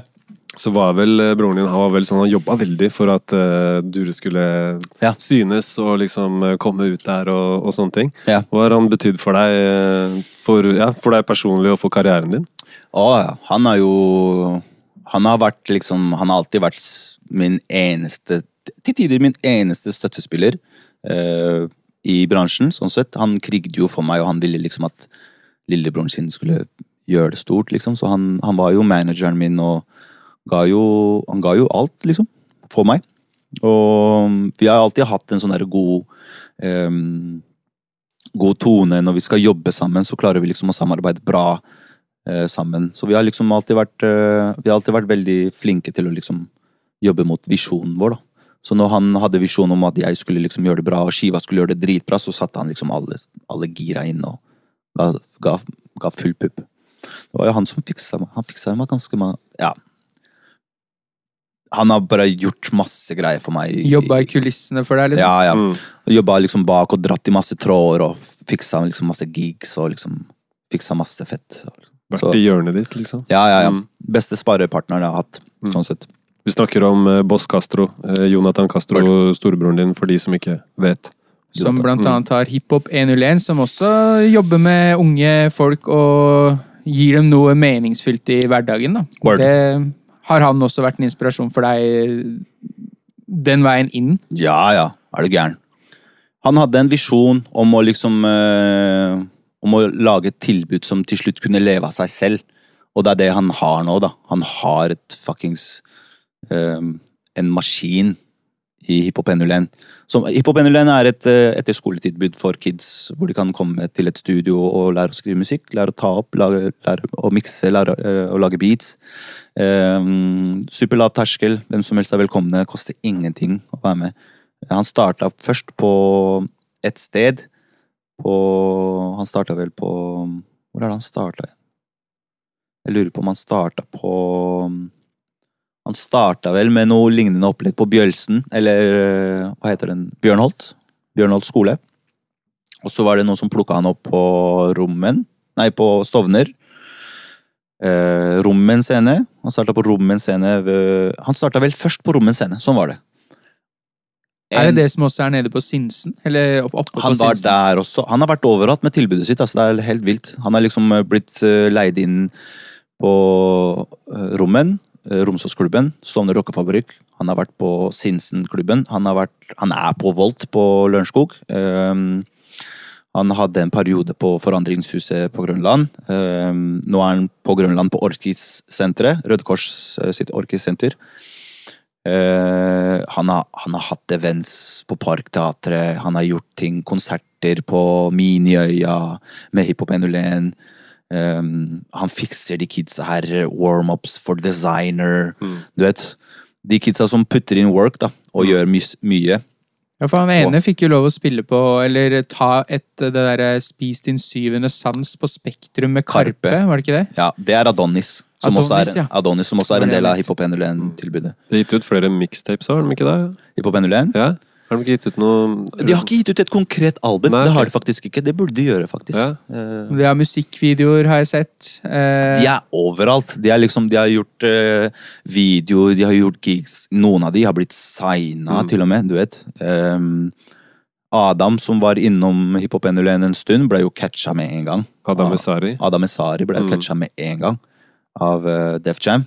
Som har bare skyter karrieren hans i lufta. Jobba med Hakim òg, eller det Hakim var også innom et par ganger, ja. Uh, han, han var jo faktisk innom en del også på Agenda X når jeg jobba der. Så en av de første gangene han rappa, var på sommerleir, som vi arrangerte. Som jeg har video av. Så han driver, og rapper og er helt sånn derre eh, Sånn noobie. Ikke noobie som en stygg eh, det er ikke, et- det er, Jeg mener ikke sånn på en stygg måte. Alle men- starter et sted, da. ja, sant? ikke sant? Rookie, rookie. Man ser jo at han er liksom Han har ikke utvikla de der eh, opptredensferdighetene sine. Nei, nei. Eh, så det var supertidlig i karrieren hans. Han er jo superstjerne Ikke nå. sant? Han har akkurat vært i Marokko og liksom jobba med skiva si med f- superprodusenter som plateselskapet payer for. Så han Ja, han hadde en veldig sånn stigende Det gikk veldig fort Ja. fra jeg så en eller annen musikkvideo hvor han gikk i eh, Sofienbergparken eller Ja, noe sånt. Og han er jo veldig sånn autoritær. Han er ung, men veldig autoritær i fremtoninga si. Ja. Og litt sånn usleipen diamant, og så plutselig så kom Fy faen-låta, og så bare Så var han helt rå med Unge Ferrari-musikkvideoen og det greiene der. Ja, ja. Så det er imponerende. Altså. Jeg, jeg har hatt gleden av bukken til Lindeberg en gang, og Lindeberg kulturfestival. Ja. Eh, veldig få tilskuere, Ja. men så sto det Esari og Hakim eh, på plakaten. Ja. Og hele ved den slalåmbakken på Lindeberg der, Ja, der, i ja. bånn der, helt stappfullt. Ikke sant? De måtte holde, ha sånn, danne sånne ringer og sånn for at de ikke skulle liksom hoppe på dem, sånn som de gjør med Justin Bieber. ikke sant? Så det er jo snakk om superstjerner. Altså. Ja, de ble superstjerner på minuttet. Altså. ja. Så alle de kidsa har jo vært innom 101 på et punkt. Ja. Eh, Jommi, som var veldig ofte på 101, er jo su- superstjerne nå, han også. Han har en låt på den Battle-filmen som er på Netflix. Ja, stemmer det. Ja, som har blitt signa til uh, Warner. Um, Nalban har jo vært innom eh, 101. Alle veit jo hvem Nalban er nå. Mm. Ja, han har jo sånn, bre- også et sånn brennende hjerte for, eh, for Groruddalen og ungdommen i Groruddalen. At de skal ha fritidsklubber og arrangert fotballkamp med politi og Ja. sånne ting. Ja. Det Han er står bra. respekt av, altså. Ja, ja, det er, det er kult. Altså. Det er liksom sånn, han, han, han er liksom ung, men han vil fortsatt hjelpe de unge, yngre i nabolaget sitt. Ehm, så props til, props til Nalban. Altså. Nalban er en fuckings dyktig artist. Folk, eh, folk veit ikke om Nalban, altså. Gjorde, gjorde ikke Don Martin og Bås Castro også en slags sånn skoleturné på Jo. et tidspunkt? Hvor de liksom dro rundt og spilte på skoler Ja, i, det var, Gro- i Groruddalen? ja, det var vel etter eh, Martin sin Mann for min hatt-skive, tror jeg. Jeg tror når, Etter at den skiva kom, så gikk de på sånn skoleturné. Mm. Reiste rundt i hele Norge. Jeg har sett en video på jeg lurer på, Det var på NRK eller noe sånt, hvor det var masse kids som flokka seg rundt, og så sto de i skolegården og hei, hei, alle Ja. unga var med. og så det er- virker det. som det er noe som eh, på en måte gjengen, eh, eller Castro-familien, er eh, liksom Der de er, er ungdommen og, og engasjementet for ungdommen og kidsa. da. Det er veldig beundringsverdig. Det er kult. Takk, Takk for den. Altså. Vi har liksom alltid hatt sånn derre um, um, Vi har alltid liksom skjønt at det er ikke så mye som skal til for å liksom gjøre noe for de kidsa. liksom. Mm. Uh, det er bare det om å gidde å gjøre det. Og vi har alltid liksom Vi har alltid tenkt på dem først, og liksom oss selv nesten litt sånn på andreplass. Så så brutter'n har vært eh, har putta inn masse arbeid, Mm. timer hos kidsa. Jeg har gjort det, jeg også, men jeg har liksom jobba um, Litt mer low-key. ja, og så har jeg liksom eh, Jeg har ikke jobba Jeg har jobba med kids og, og musikk, jeg har jo det. Men jeg har jo mest jobba med ungdom som er litt sånn utsatte og litt sånn i dårlige miljøer. Jeg jobba i institusjoner, liksom. Jeg har jobba som støttekontakt fra barnevernet. og Jeg, liksom, jeg har hatt en sånn derre en, en sånn derre Jeg vil hjelpe kids. Fordi jeg skulle ønske noen hjalp meg når jeg var kid. Ja. Bare sl- sl- lapsa meg litt med, litt med litt sånn kjefting. For da hadde kanskje ting gått litt annerledes. Så jeg har liksom alltid hatt liksom Det vil jeg gjøre. Hvis jeg kan gjøre det, og det hjelper, why not? Liksom. Da vil jeg gjøre det. Ja, Vi har snakka litt om eh, litt store stjerner fra, fra Norge. Men eh, Ja. møtte ikke du noen eh, stjerner du ser litt opp til for noen år? Eh, Fikk, fikk du spille med dem? eller? Jeg mener jeg så det på Facebook. Manu Chao. wow! Ja, ja, ja, ja, ja. Manu Chao. Det var vilt, ass. Da var du ganske det- fortell om det. Gjerne. Fortell om det. Det var faen meg kult, ass. Og det er ikke bare Jeg har vært fan av Manu Chao sin kid, men moren min og faren min, de er fans av Manu Chao. Tenk deg det, ja. Når jeg bare ringer mamma mamma, du må komme til eh, Du må komme til Meløyhuset nå. Så jeg, hva, hva, skal, hva er det, sønnen min? Du må bare komme, mamma. Be pappa kjøre deg, og kom hit nå. Ja, ja. Så hva er det, Felipe, hvorfor du tar meg?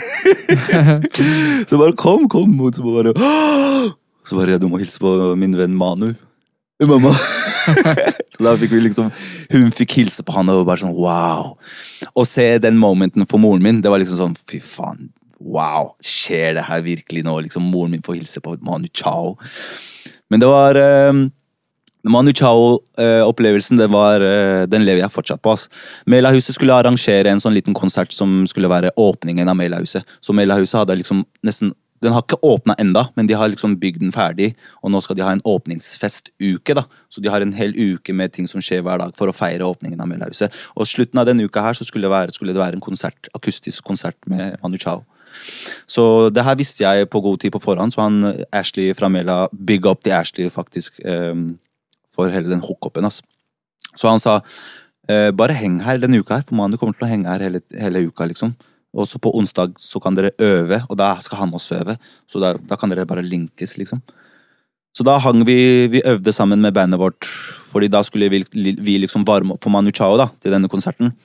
Eh, og da sa han Ashley kom på onsdag, da kan dere øve, og Manu skal øve etter dere. Så da kan dere prate og bli kjent. Så da stikker vi dit og øver med bandet vårt. Eh, hilser på han. Og han er superhyggelig, jordnær. Prater liksom om Prater om alt mulig ting. Vi blir veldig kjent, og vi drikker og spiser middag sammen den dagen. Og så sier han på slutten av dagen som bare Ja, dere skal spille på lørdag? Ja, vi skal spille før dere. Han bare Skal du komme på settet vårt og rappe? Ja, ja, si. Ja. Si gracias. Si. Så det var liksom sånn, Jeg hadde det i huet hele, hele den uka. Jeg skal fuckings rappe med han. Men det er ikke sikkert han husker det. da. Jeg Liksom, jeg driver og fucker med huet mitt. Kanskje han ikke husker det. Kanskje han bare sa det for å være hyggelig. tenker jeg. Så da kommer dagen, da, så gjør vi den konserten, og vi, pff, vi får skikkelig Vi gjør en bra jobb, hele bandet vårt. Med Charles Mena på trommer. Faren til Maria Mena. Han steppa inn og var trommis den dagen. Eh, vi gjør en bra gig, og så setter vi oss ned for å se på Manu Chao. Og alle sitter. Det er, er ikke en ståkonsert, det er en akustisk Ja, konsert. Så han sitter og han spiller gitar, og han holder på i to timer. Men han har en to timer lang konsert.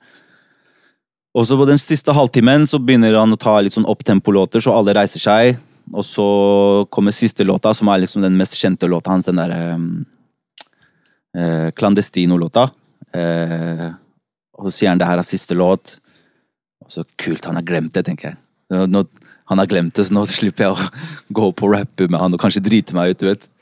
Skikkelig nerver. Jeg vet faen hvorfor jeg kjører huet mitt sånn noen ganger. Bare, håper- du vet, jeg vil ikke gjøre det, men jeg har dritlyst. Mm. Så jeg bare tenker, han har glemt det, han har glemt det. Så bare plutselig så bare sier han Felipe! Oi, Felipe, fella, hvor er du? Liksom, Where are you? Kom! Så bare opp på scenen foran alle sammen. Og så, Så, veit jeg du, ikke. satt, du var publikum, Ja, ja. Og så ble du bare dratt opp på scenen. Jeg var bare dratt opp, og så visste jeg ikke hva jeg skulle gjøre. Eller på hvilken takt, eller jeg visste ingenting. Nei. Så jeg måtte bare liksom bare Ok, greit. Du må bare ta et vers. ass. Bare improviserte det. Wing it. Du må bare wing it, ass. Ja, ja. Så jeg ble dratt opp, og så bare hører jeg tempo. Og det er liksom, så fort jeg catcher tempo, så har jeg en eller annen, et vers som funker. ikke sant? Så da bare, ok, greit. Eh, så synger han, så bare Felipe! Og så Ok. Så drar jeg et vers, og folk er bad. Yo, fela, Manu, dritkul! Wow. Og så begynner han å synge mer, bla, bla, og så ser han på meg igjen, så bare og så bare gjør sånn her, Han Nikker nikker, til nikker til meg, og så bare Hva betyr det, hva, ja, ja. og så bare Felipe! To vers! To vers. Så jeg bare ok. Ah, et vers. Bom! Drar et vers til. Ah, yes, takk for meg! Og Så begynner han å synge, og så bare stopper han sånn ja! Og alle klapper. Ah. Nei, han er ikke ferdig. Hurra, Så begynner han å spille igjen. Og så, bare, og så, og så, og så ser han på meg, og så bare? Og så nikker han sånn igjen. Så jeg bare ok, greit. Felipe! Og så bare ett vers til. Ja, ja, ja. Bah, yes! Ah, takk, ferdig. Og så synger han, og så er han bom, og så er han ferdig. Og da var han ferdig. Og da var han ferdig. Tre vers hørte du rett og slett Tre vers. På sparket. Ja. Med helten din og mora di sin helt. Ja. Moren min var i salen, filma Ah. alt sammen. Fatteren min var der. Det er ikke noe man kan sjekke et sted, det her, eller? Jo, det er, eh, Jeg la ut en sånn liten eh, video på YouTube. Bare Manu Chao Fela eller et eller annet sånt. Mm. Så er det liksom siste delen av konserten hans hvor han drar meg opp. Det må folk gå og sjekke ut, ass. Ja, ja. For all del. Vi Det er kan, ikke ta, så mange vi kan ta link til det på, på sida også. Det kan vi gjøre. Ja. Så det, det, det året var liksom sånn Wow. Det, var liksom, og det, det her var liksom desember måned i 2016, så det var liksom slutten av året. Hvor du var hadde liksom- gitt ut råe også. Ja. Ikke sant? Ja, Mm. Så det var liksom den beste avslutninga på det året. Liksom, og jeg liksom, fy faen, Uansett hva for noe dritt som var før den konserten, så var det Redda det året der. hadde, jeg hadde glemt alt annet. Det her det, hørtes, liksom. det hørtes ut som Ja, det- en uh, helt rå opplevelse. Skulle ønske jeg var der. Det Bare var- å se, se gleden i ditt ansikt nå. Ja, Altså, det ja. var eh, Du ser det, at det betydde en del, altså. Ja, word, altså, er du gæren. Det der er den beste konsertopplevelsen jeg har hatt ever. ass. Det var liksom, Jeg, har- jeg varma opp for Ice Cube og Naughty by Nature og hilst på dem og sånt, men å synge med Manu Chao på scenen på Mela Mela-huset, det var fuck topp tre, altså. Mm. Vi eh, var eh, inne på eh, Don Martin og Jonathan Ja. rett før vi begynte å snakke om Manu Chao. Ja. Eh, I det siste så har dere gjort et eh, prosjekt sammen som jeg tror alle, de fleste i hvert fall, bør ha fått med seg nå. Jeg lurer på én ting. Jeg har bare Ja. lyst til å ta mus, mus, altså artisten. Fela før det. Før okay. det. Ok. Fordi eh, det er et prosjekt. Og jeg er superfan, og jeg syns folk der ute burde bli fans, Word. for det er helt rått. Eh, første første singelen heter 'Plakatet på veggen'. Mm. Eh, og den andre singelen som slapp nå for eh, en og en halv uke siden Ja, forrige fredag. Ja, Mm. det blir ca. en og en halv uke siden. Riktig. Mm. Eh, heter eh, Geir på Tinder. Eh, og bandet vi snakker om, heter Offentlig sektor. Word. Som består av Fela, Sawadi og Abdi. Abdi Baisa eh, på gitar, og Vegard eh, T-Bone på bass. Og er eh, miksa og mastra av en legende, vil jeg si. Eh, Rumblin. Rumblin. Mm. Superdyktig kar. Og han gjør trommene og miksing og mastring. Jeg er jo en podkast-fin. Jeg hører på podcaster i hytt og pine. Og jeg syns det er bare fint å bygge opp andre podcaster eh, Word. i vår podkast. Og på Skada podkast, som ble sluppet nå for eh, to dager siden, så satt Rumblin i bakgrunnen og spilte piano for å sette stemninga. Wow! Og han spilte alt fra den derre hiten til Exhibit X du, du, du, du, du, Ja, wow. den, Og andre, andre låter. Han er jo dyktig på piano. Super. Eh, men jeg lurer på eh, Det høres veldig ut som det er et band som spiller i offentlig sektor, men trommer og sånn, Ja. er det programmert? da? Trommen er programmert. Ja. Bass og gitar er eh, live. ehm, mens trommene er programmert. Det var vel liksom, vi, vi, vi skjønte at det er en litt lettere vei å gå. Ja. Istedenfor å få en trommis inn i studio og så rigge opp og ta opp og mikse på tromme. Det er liksom mye lettere når du har en engineer da, eller en produsent som på en måte tar seg av det. Så Vegard hjalp til, Soulbase han hjalp jo litt til på den plakatet på veggen-låta, som er første singelen. Ja. Og etter det så har Rumblin um, Han har fått litt sånn derre Han elsker det prosjektet så mye. Blod på tann. Ja, så han bare Dude, let me do this. Ja. Så han har liksom fått uh, den jobben, da. Jeg må bare si, eh, for de av dere som har hørt Geir på Tinder, eller ikke hørt Geir på Tinder Check Hvis du har, på et, har et godt headset på huet, Word. bare skru lyden så høyt det går før det spraker. Det skal det ikke gjøre, faen. Rumblin er helt rå. Ja. Og bare gå og høre på den lyden, den sounden på det. Det er er ah, Fy faen, det er så Det er så fyldig, da. Det Ja. bare fyller alt, og jeg, jeg digger den låta. Det er humor i det. ja. Det er det, er, det er humor, men det er også litt, uh, litt melankoli og, og sånn. Uh, Tenk, tenk å være det er en Geir. brodd der. Ja, Ja, det er det. er jo litt alvor i bunnen der, det er jo det, men Det er jo det. hele prosjektet er bare så gjennomført og ja, Ja, hvordan var det det oppsto, da? Um, vi starta vel med å jamme på plakater på veggen. Det var vel der alt starta. Eh, vi skulle jo ikke lage et band. Vi var jo ikke i studio for å lage et band. Jeg tror jeg og Sava var i studio, og uh, uh, jeg lurer på om Abdi var der den dagen. Jeg er litt usikker. Vi drev i hvert fall og jamma på, på noe, da. Og så, når plakatet på veggen nesten var ferdig miksa og mastra, så hadde vi vært i studio og jamma et par ganger til. Uh, og det var jævlig kult, fordi vi hadde én jamming session, og vi lagde sånn fem skisser eller noe sånt på én dag. Og da skjønte vi at yo, yo, vi jobber bra sammen, ass. Så da liksom sånn Yo, let's make a fucking band. Um, Vegard og Abdi kjente en bassist, som blei Vegard, eller som var Vegard. Um, og da var det liksom sånn Ok, nå har vi et band, men hva, hva er vi? Hva, hva skal vi være? Hva, hva vil vi være? Um, så da plakatet på veggen skulle egentlig hete liksom Fela Futuring Savadi. Eh, plakater på veggen. Det, Ja. det var jo ikke et eh, Det var jo ikke et band på det, akkurat da. Men da var det liksom sånn, ok greit, men da må, vi, da må vi gjøre noe Vi må gjøre noe annerledes. Hvis vi skal være et band, og de skissene vi har nå er utgangspunktet, så må vi jo, vi må jo ha et konsept. Eh, så da var det liksom sånn, vet du hva?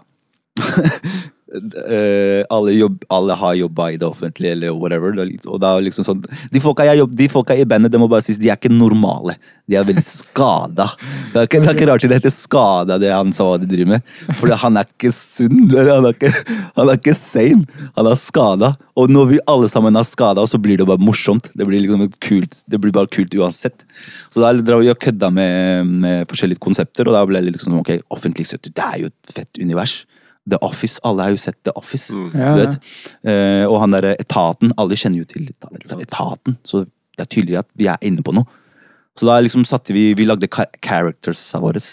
Eh, og så liksom jobba vi med låter ut ifra at det er i det universet. Så alle låtene vi lagde, var liksom i det universet.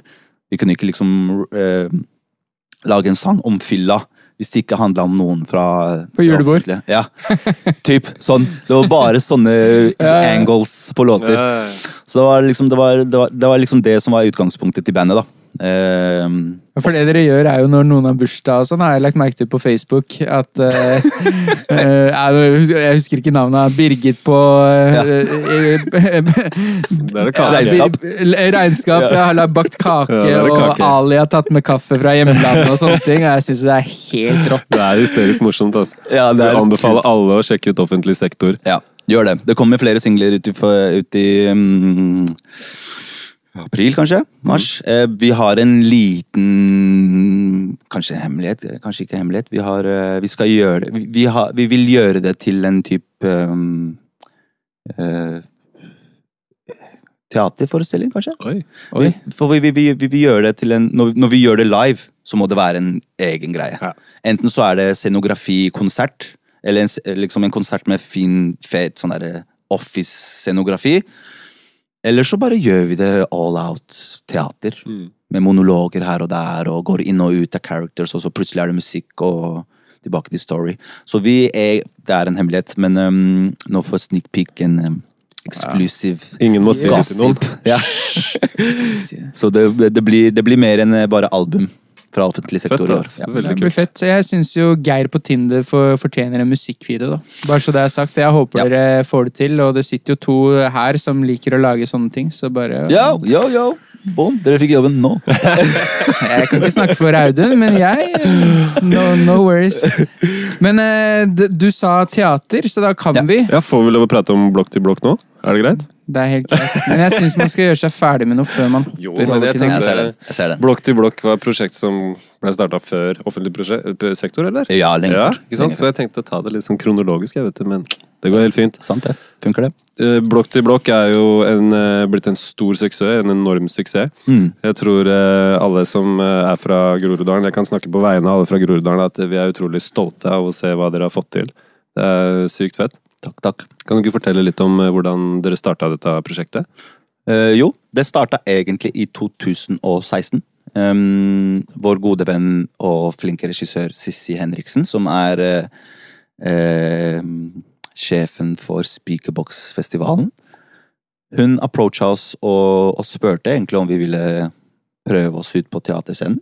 Eller hun spurte Jonathan og Martin først om de ville liksom kunne tenke seg å gjøre noe på Speakerbox-festivalen hennes. Eh, Det skal sies at Speakerbox-festivalen er en sånn merging mellom hiphop og teaterverden. Så hun hadde en sånn visjon om at de verdenene her kan møtes og skape noe fett.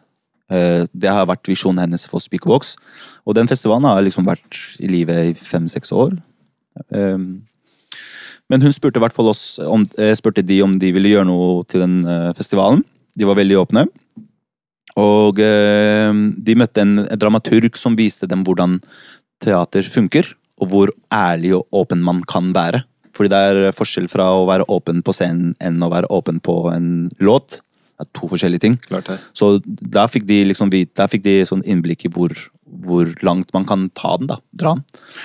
Eh, og ut ifra det så lagde de et lite, et lite um, en, en idé og et prosjekt, og så ble jeg tatt inn sånn midt i prosessen deres. Så de hadde holdt på en stund, så kom jeg på en måte halvveis inn, eh, og fikk vært med på det. Eh, Vi gjorde det én gang på Torshov-teatret. Eh, Og det var liksom sånn derre mm, En light-versjon av det som er blokk til blokk nå. Eh, Er det Soria Moria der? Det ligger på Torshov-teatret, som du sa? Ja, jeg tror kanskje det heter Soria Moria. Ikke den kino, eller er det Nei, det teater er gjort om til, til noen sånne småscener og sånn Ok, rundt ja. Mm. Ja. Så der, der, var- det et, et kjempefint eh, lite teater, eh, hvor vi gjorde den eh, light-versjonen av Blokk til blokk der. Så gikk det to år. Eh, vi tok opp tråden igjen med Blokk til blokk med Sissi og sa yo, kan vi ikke prøve å utvikle den her til noe mer? Sånn at vi kan prøve å gjøre den på nytt. Eh, hun søkte penger. Hun gikk til Nationaltheatret først med prosjektet. Eh, de var litt treige med å svare. Det Norske Teatret så potensialet og tok det. Så da ble det litt samarbeid mellom Spikerboks og Det Norske Teater. Um, og så var det opp til oss å liksom lage hele greia, da. Så vi har, vi har liksom skrevet Vi har skrevet hele forestillingen selv, og så har Sissi lagt tekstene våre på en måte etter hverandre, da. Hun fant liksom den røde tråden. Rytmen i Ja. forestillinga. ja. Hun fant liksom den, den um, rytmen, og så fant hun låter fra Martin og fra meg som hun syntes passa inn. Så da hun, valgte hun låter For første verset på dureskiva tar du. Det er 25 år eh, ja. Er det det heter? 25 år, ja. Ja. Så da, eh, mine låter er vel eh, Det er vel bare 25 år av mine egne låter som jeg tar. Resten jeg gjør, er et dikt, og så en låt som jeg ikke har gitt ut. Jeg skal bare si at jeg har jo sett Blokk til blokk, Ja. og da dere Tekstene deres blir så mye mer eh, effek effektive, da. Ja. Når eh, det høres ut som det er skrevet nesten til teaterstykket. Ja. Heller enn eh, et album eller en, som en låt. For Word. den 25 år Når du fremfører den, og det alle lytterne der ute som har lyst til å se Blokk til blokk, gå og se den. Mm. Eh, dere har muligheten på Rommen scene i mars. i mars, ja. Ja. Eh, og og det, er, det, er, det, er veldig, det er en veldig gripende og eh, sterk forestilling. Mm. Med innslag av humor. Eh, Den dekker egentlig alt, hele spekteret. Jeg er ikke noe teatergåer. Jeg går ikke på teater. Og Blokk til blokk er det eneste teaterstykket jeg har sittet i fra start til slutt. Og vært fornøyd hele veien. Jeg aldri tenkt, tenkte ikke et sekund sånn åh, dette her var litt Nei, eh, fett. det var hjertefølt, og det var, det var ekte. Da. Så jeg anbefaler alle å gå på det. Eh, hvordan var Du kom jo halvveis inn i, i prosessen. Ja. Følte du liksom at du hadde en naturlig plass inne, eller måtte du jobbe litt for å komme liksom catch up med det de allerede hadde Nei, eller um, Det må sies at når jeg kom inn, så hadde de egentlig ikke hele strukt, de hadde ikke alt på plass. De visste bare hva de ville gjøre. Og de visste ikke hvordan på en måte de ville gjøre det. Så jeg, jeg, jeg kom jo inn, og da hadde de jo begynt litt med å skrive tekster, eller den røde tråden. Eh, men eh, når jeg kom inn og kunne bidra med min historie og, og hva jeg bidro med, så var det liksom ok, greit, nå ser vi hvordan det her kan bli, da. Eh, For da kobler man liksom brorskapet til meg og Jonathan og, og linken vår til Martin. Så det var, men det, det, det jeg syns med, med det der, var liksom Det var ikke vanskelig for meg å liksom komme inn i det. Det som var litt nytt og spennende for meg, var å tenke som en skuespiller. Fordi nå var jeg rapper. ikke sant? Jeg hadde ikke, hadde ikke så mye skuespillertyp erfaring. Men jeg, jeg brukte liksom For jeg liker å gjøre ting 100% Så hvis jeg skal være skuespiller, så vil jeg gjøre det på en måte 100% Jeg vil liksom naile det. da. Ja, Så omstillinga mi var jo der. Det var liksom, det var liksom Min lille kamp var jo liksom ok, nå må du tenke som en skuespiller. Tenk, tenk kroppsspråk. For som lytter og rapper, så kan ikke folk se kroppsspråket mitt. Det må jeg, det, nå som jeg jobber som skuespiller, så må jeg tenke på det. Så det var liksom For meg så var det liksom omstillinga. Men det var ikke vanskelig å komme inn i hva de hadde starta på i det hele tatt. Det gikk supersmooth. Eh, Men eh, når vi skulle sette den opp på nytt, da var det liksom sånn Da var det, da var det superseriøst, da tenkte jeg bare som en skuespiller. Jeg tenkte ikke som en rapper i det hele tatt. Jeg tenkte kun som en skuespiller, for nå var jeg skuespiller på det fuckings norske teatret. det var, Det er jo en bragd i seg sjøl, for det er vel ikke mange andre uten uh, uh, uten den rette dialekta eller med målet, som, uh, som får lov å spille sin forestilling på det norske teatret. De Ja. har vel utelukkende nynorsk som, Ja, vi skulle egentlig gjøre det på nynorsk, men vi bare Yo, det, vi kan jo ikke det. Det funker jo ikke. Du tar bort eh, autenseri Ja. fra hele greia, og det blir jo bare fake, liksom. Come on, la oss være ærlige. nynorsk, det, Det, funker jo ikke. Det gjør ikke det. Og da er liksom så ok, greit, da, men hvis ikke dere skal eh, gjøre det på nynorsk, da må tittelen være på nynorsk. Og tit originaltittelen var jo hiphop vokste opp i blokk. Så hvis du skal gjøre det på nynorsk, så blir det jo hiphop vokst opp i No, nei. It's not appealing. bra, hva, hva, jeg tror det var lurt av dere å ikke ta det på nynorsk. Det var bare sånn, nei, det, det, det funker ikke det heller. Så da Vi skal, vi skal ikke røpe poenget, men Nei. eh, dere nevner det der i, eh, Ja. i forestillinga, så nå kan Ja. dere lure. Nå må dere bare dra og se på blokk se. til blokk. Ja. Men, Men- eh, teatersjefen var liksom sånn, vet du hva? Jeg skjønner hva dere mener, bare gjør greia deres. Fordi vi vil at dere skal gjøre greia deres og være komfortable med det. Så hvis, bare gjør hva dere vil. Frie tøyler fikk vi da. Men Digg å få den friheten, da. Veldig. Ja. En ting jeg lurer på, for, for eh, som vi snakka om litt eh, tidligere, det å få Dere hadde ikke muligheten til å få albumet deres med Loka Le på Spotify. Ja. Og det, nå er jo det Alle kan få ut musikken sin på Spotify hvis de bare bruker en distributør. Ja. Men eh, hvordan fikk dere innpass inn i det norske teatret? Altså, jeg skjønner, hvordan klarte dere å på en måte nå fram dit, da? Um, Sissi. Sissi Ja. Henriksen. Det er bare henne, ass. Hun hadde en henne. eh, kontakt der, eller hadde flere kontakter der, kanskje? Ja, ja. Ja. Hun er jo teaterverden. Ja. Eh, det er jo ikke vi. Så hun har jo alle kontaktene. Hun kjenner jo alle regissører, alle teaterhus. Hun er jo liksom Hun er the, the woman to go to liksom innenfor teater. Så hun, vi var jo dritheldige med at hun var hiphoper og ville satse på oss. Så hun gikk til Nationaltheatret først, og de var liksom halvveis interessert. Og Det Norske Teatret som har De har jo litt mer sånn fokus på mm, eh, Litt sånn multinorsk, litt sånn annerledes eh, stil, da, enn det de pleier å ha. Ja. Eh, De har jo veldig mye stivt. Skal sies det er et teater, men de tenkte ok, greit, men vi vil gjøre litt andre ting, da. Så de har liksom satsa på et, et, en ting som heter multinorsk, hvor det er liksom utenlandske eh, skuespillere kan liksom gå på skole. Uh, Så de har allerede liksom gjort ting som gjør at de er litt annerledes. Så når de fikk det her på bordet, så var det liksom sånn Yeah. Men Var det en opptaksprøve? Måtte dere spille en forestilling for noen for å Ikke i det hele tatt. Nei. Så de stolte på at dette fungerer. Ja. Og det, det, det var liksom sånn Vi fikk en kontrakt først på ti forestillinger. Um, så vi tenkte liksom ok, ti forestillinger, fett, så vi er ferdig. Gjør noe annet etter det. Um, billettene kom ut på salg. På dagen så gikk den første forestillinga Den ble utsolgt. Um, før premieren så tror jeg teatersjefen kom til oss og bare Den kontrakten dere fikk på ti forestillinger, jeg tror dere må få en ny en, yes. For det har gått så bra med salget, og vi bare yo, her og bare Oi. Så da fikk vi en ny. Ja, nå ble det brutt. Hører du meg? Ja da. Ja, vi hører deg. Ok, jeg hører ikke meg selv. Men i hvert fall, han kom med, han kom med en ny kontrakt på bordet, da, som var på ti måneder. Så vi fikk liksom, eh, før vi hadde spilt premieren, så fikk vi allerede en ny kontrakt. Men det er et eller annet her som jeg, jeg hører ikke meg selv. Der, ja. Der, ja. Så før premieren så hadde vi liksom ja, fornya. Ja, ja. Hvor mange forestillinger har det blitt? Nå har vi passert eh, Jeg tror vi passerer 60 snart, ja. Shit. Og alle utsolgt, er det ikke sånn? Alt er utsolgt. Tjener Det- dere det- noe penger på det? Eh, Ja, ja. ja dere gjør det, Ja, ikke sant? vi Dere får en, en del av eh, billettinntektene, eller hvordan funker det? Eh, Vi får royalties, og så får vi eh, per forestilling. Ok. Og så får vi eh, Ja, det er vel noen prosenter Prosenter av billettsalg som er royalties. Okay. Så vi, vi tjener ganske, vi tjener Bra ganske bra. ja. Ja. Digg. Ja. Er det på tide med Vår, favoritter? eh, ja, vi har en eh, fast spalte. Ja. Ser du på TV? Har du tid til det? ja, Jeg ser litt på TV. Ja, filmer, serier, litt sånne ting. Ja, Og Ja. hører på musikk. i hvert fall. Yes. Da går vi over til den faste spalten Favoritter. Så fortell meg der du sitter. Hva er dine favoritter?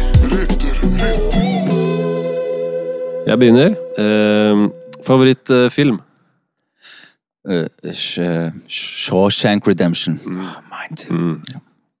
Topp tre. Har du en favorittskuespiller? Mannlig. Mannlig. Ehm, Det, det er, ja, den ah. Eh, Ok, nå står det mellom Denzel og eh, Og eh, Idris. Idris Elba. Elba. Ja, Ja. Hva med kvinnelig, da?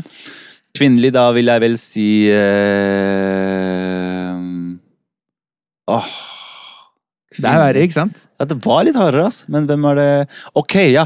Da vil jeg si eh, hvis, da, står det, da står det mellom eh, eh, Sandra Bullock og uh, Noomi Rapace.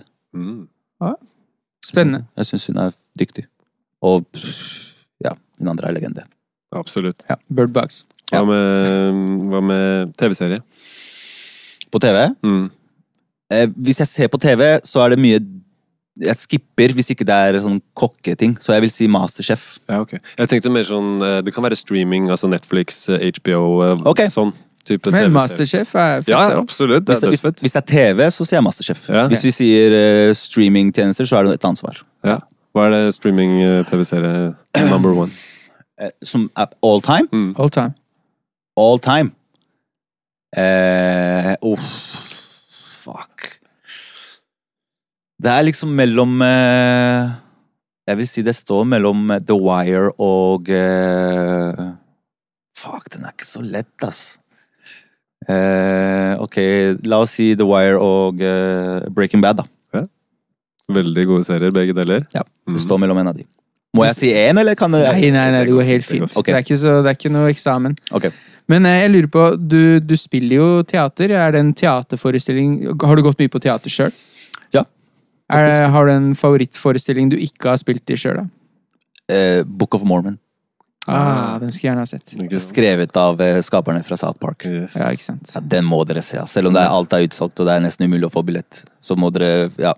Jeg fikk faktisk i gave en eh, billett til den norske versjonen av Ja. Book of Mormons, men jeg Den. fikk ikke godt å sett den. Jeg måtte gi bort billettene til noen andre. Så ga den ikke til meg. Eh, Jeg har ikke gjort det, vet du.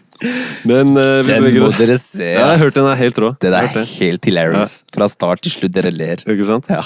Hva med, hva med eh, favorittalbum innen hiphop-rap-sjangeren? Eh, Of all time? Mm. Norsk? time, Amer, um, eh, Det kan du internasjonalt.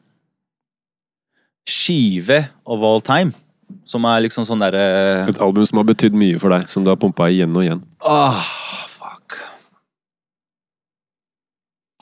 Ehm, jeg kan jo si uh, liksom sånn derre eh, Classic Mm. og litt sånn new Ja, moderne, for eksempel. Da, da hadde jeg vel sagt uh, Faen, da. Uh, hvis jeg skal si noe moderne først, da, så hadde jeg Jeg syns den Put to Pimpa Butterfly-skiva er så bra gjennomført, ass. For å være ærlig. Masterpiece. Jeg syns den er så bra Jeg syns den er så, jeg synes den er så fin. ass. Han hadde en visjon, og han, han naila og Han naila på forsøket, syns jeg. Ehm, jeg syns det er kult når noen tenker veldig annerledes for å lage et produkt. Og jeg syns han tenkte veldig annerledes når han lagde det produktet der. Ikke minst låtene som ble laget, og produksjon, og at han hadde et fuckings intervju med Topak på slutten Mm. som ingen har hørt før, eller som ikke er utgitt. Som en tysk journalist har ruga på dritlenge. Og kontakta spesifikt han for at han skal få det intervjuet. Come on, Hæ? man. Come on. Det er moderne all time favorite. Eh, classic. Eh, skive som jeg har hørt mye, mye på, er vel um, Hva skal jeg si der, da?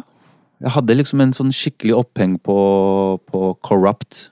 Um, corrupt, den derre Space Boogie. Mm. Jeg hadde skikkelig oppheng på den, og, eh, og All Eyes On Me. Det er liksom Det er de skivene jeg har liksom hatt på repeat. Men hvis jeg skal si to album, så er det liksom Kendrick eh, og eh, All Eyes On Me. Ja. Det er vel de jeg vil si jeg har pumpa masse. Men jeg har hørt på alt, ass. Liksom. Jeg har Absolutt. hørt på mye rap. Her er vi liksom ute etter den der all time favoriten på en måte som popper opp med en gang. Gut Ja. feeling.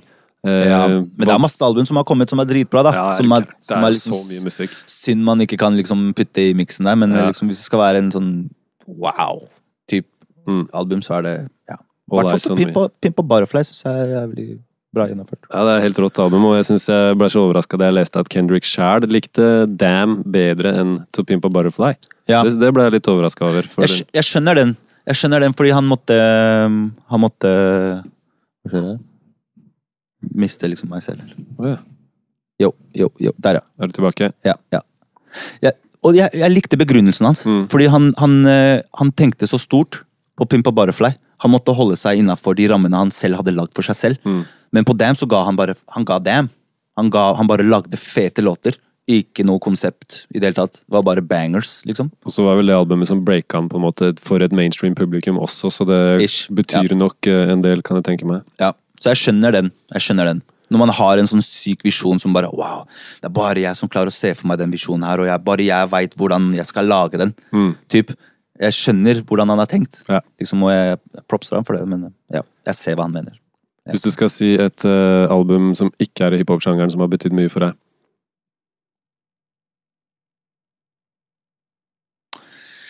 Uh, uh, som har betydd mye for meg. Ikke hiphop. Mm. Eh, eh, det andre Guns N' Roses-skiva. Den der, Kult. hva heter den? Den med det oransje Use your real Nei, Appetite for Destruction. Er ikke det Den. første, eller er det andre, det, kanskje? Jeg vet ikke. Er det Ja. Welcome to the Jungle og alt det Nei, det er før det. Det er før det. Det er den Det er før med. November Rain. November Rain, jeg trodde den var på Use Your Illusion, ja. Men jeg Det er den kan- grønne. hende- Nei, den blå. Ja, Den blå og den oransje ja med det coveret. kom eh, Use Your Illusion 1 og 2. Det er toeren. Ja, ikke sant? Ja. Ja. ja.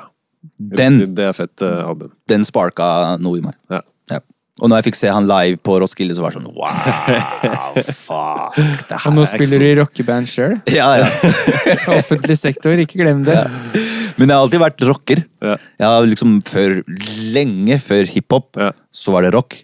Og til og med pop og tekno, liksom. Mm. Jeg har vært gjennom alt. Klassisk musikk, liksom. Jeg har hatt en periode der også. Mm. Um, så det var, jeg var liksom musikalsk lenge før hiphopen traff meg. Altså. Det må sies. Skal vi ta siste spørsmål? Siste favoritt? Eller jeg, jeg tenker eh, drømmesamarbeidspartner, eh, norsk artist, og gjerne en som ikke driver med hiphopmusikk eller er rappartist. da. Er det noen du, du liksom har hørt i, i det norske landskapet som hadde vært en eh, drøm å jobbe med?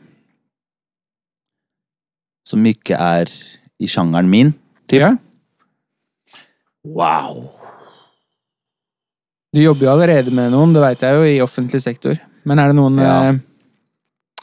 Uh, ja, si det. Det måtte jo ha vært en uh, Hva hadde, hadde det vært, da? Jeg liksom hadde Jeg var skikkelig Jeg var skikkelig sånn En dag skal jeg lage låt med Petter Baarli. Så fikk jeg gjort det. Så, det, er liksom, så det var sånn stor check for meg. Er det ti meter ned til bakken? Nei. Ja, jo, riktig. riktig. ja. Ja, så et, etter det var det sånn Ok, da fuck alle.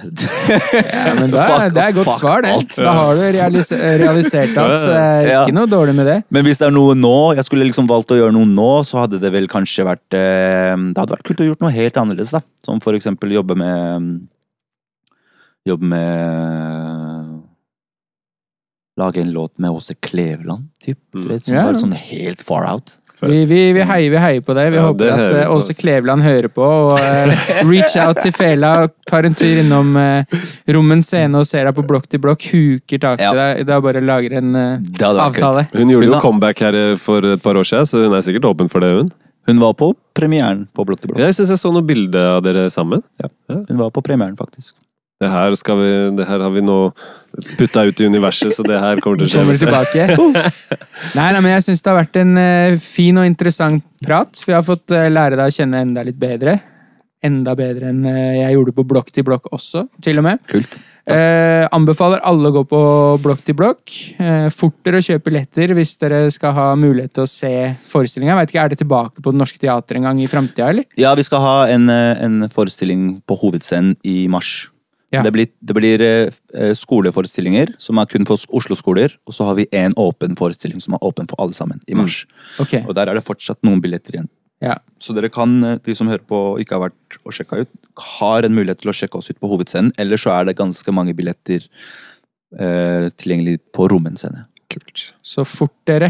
Fortere å kjøpe billetter. Yes. Og eh, sjekk ut musikken til eh, Fela på Spotify. Sjekk ut Offentlig sektor. Word. Og er du en som uh, booker artister, så book Fela òg, for han er en uh, veldig dyktig liveartist. Absolutt. Thank you. Takk. Så da sier vi Skal vi runde av der, eller? Det kan vi godt gjøre. Tusen takk for at du har vært så ærlig og åpen med oss. Takk, for tiden din. Takk for besøket, holdt jeg på å si. Takk. Yeah, takk for oss.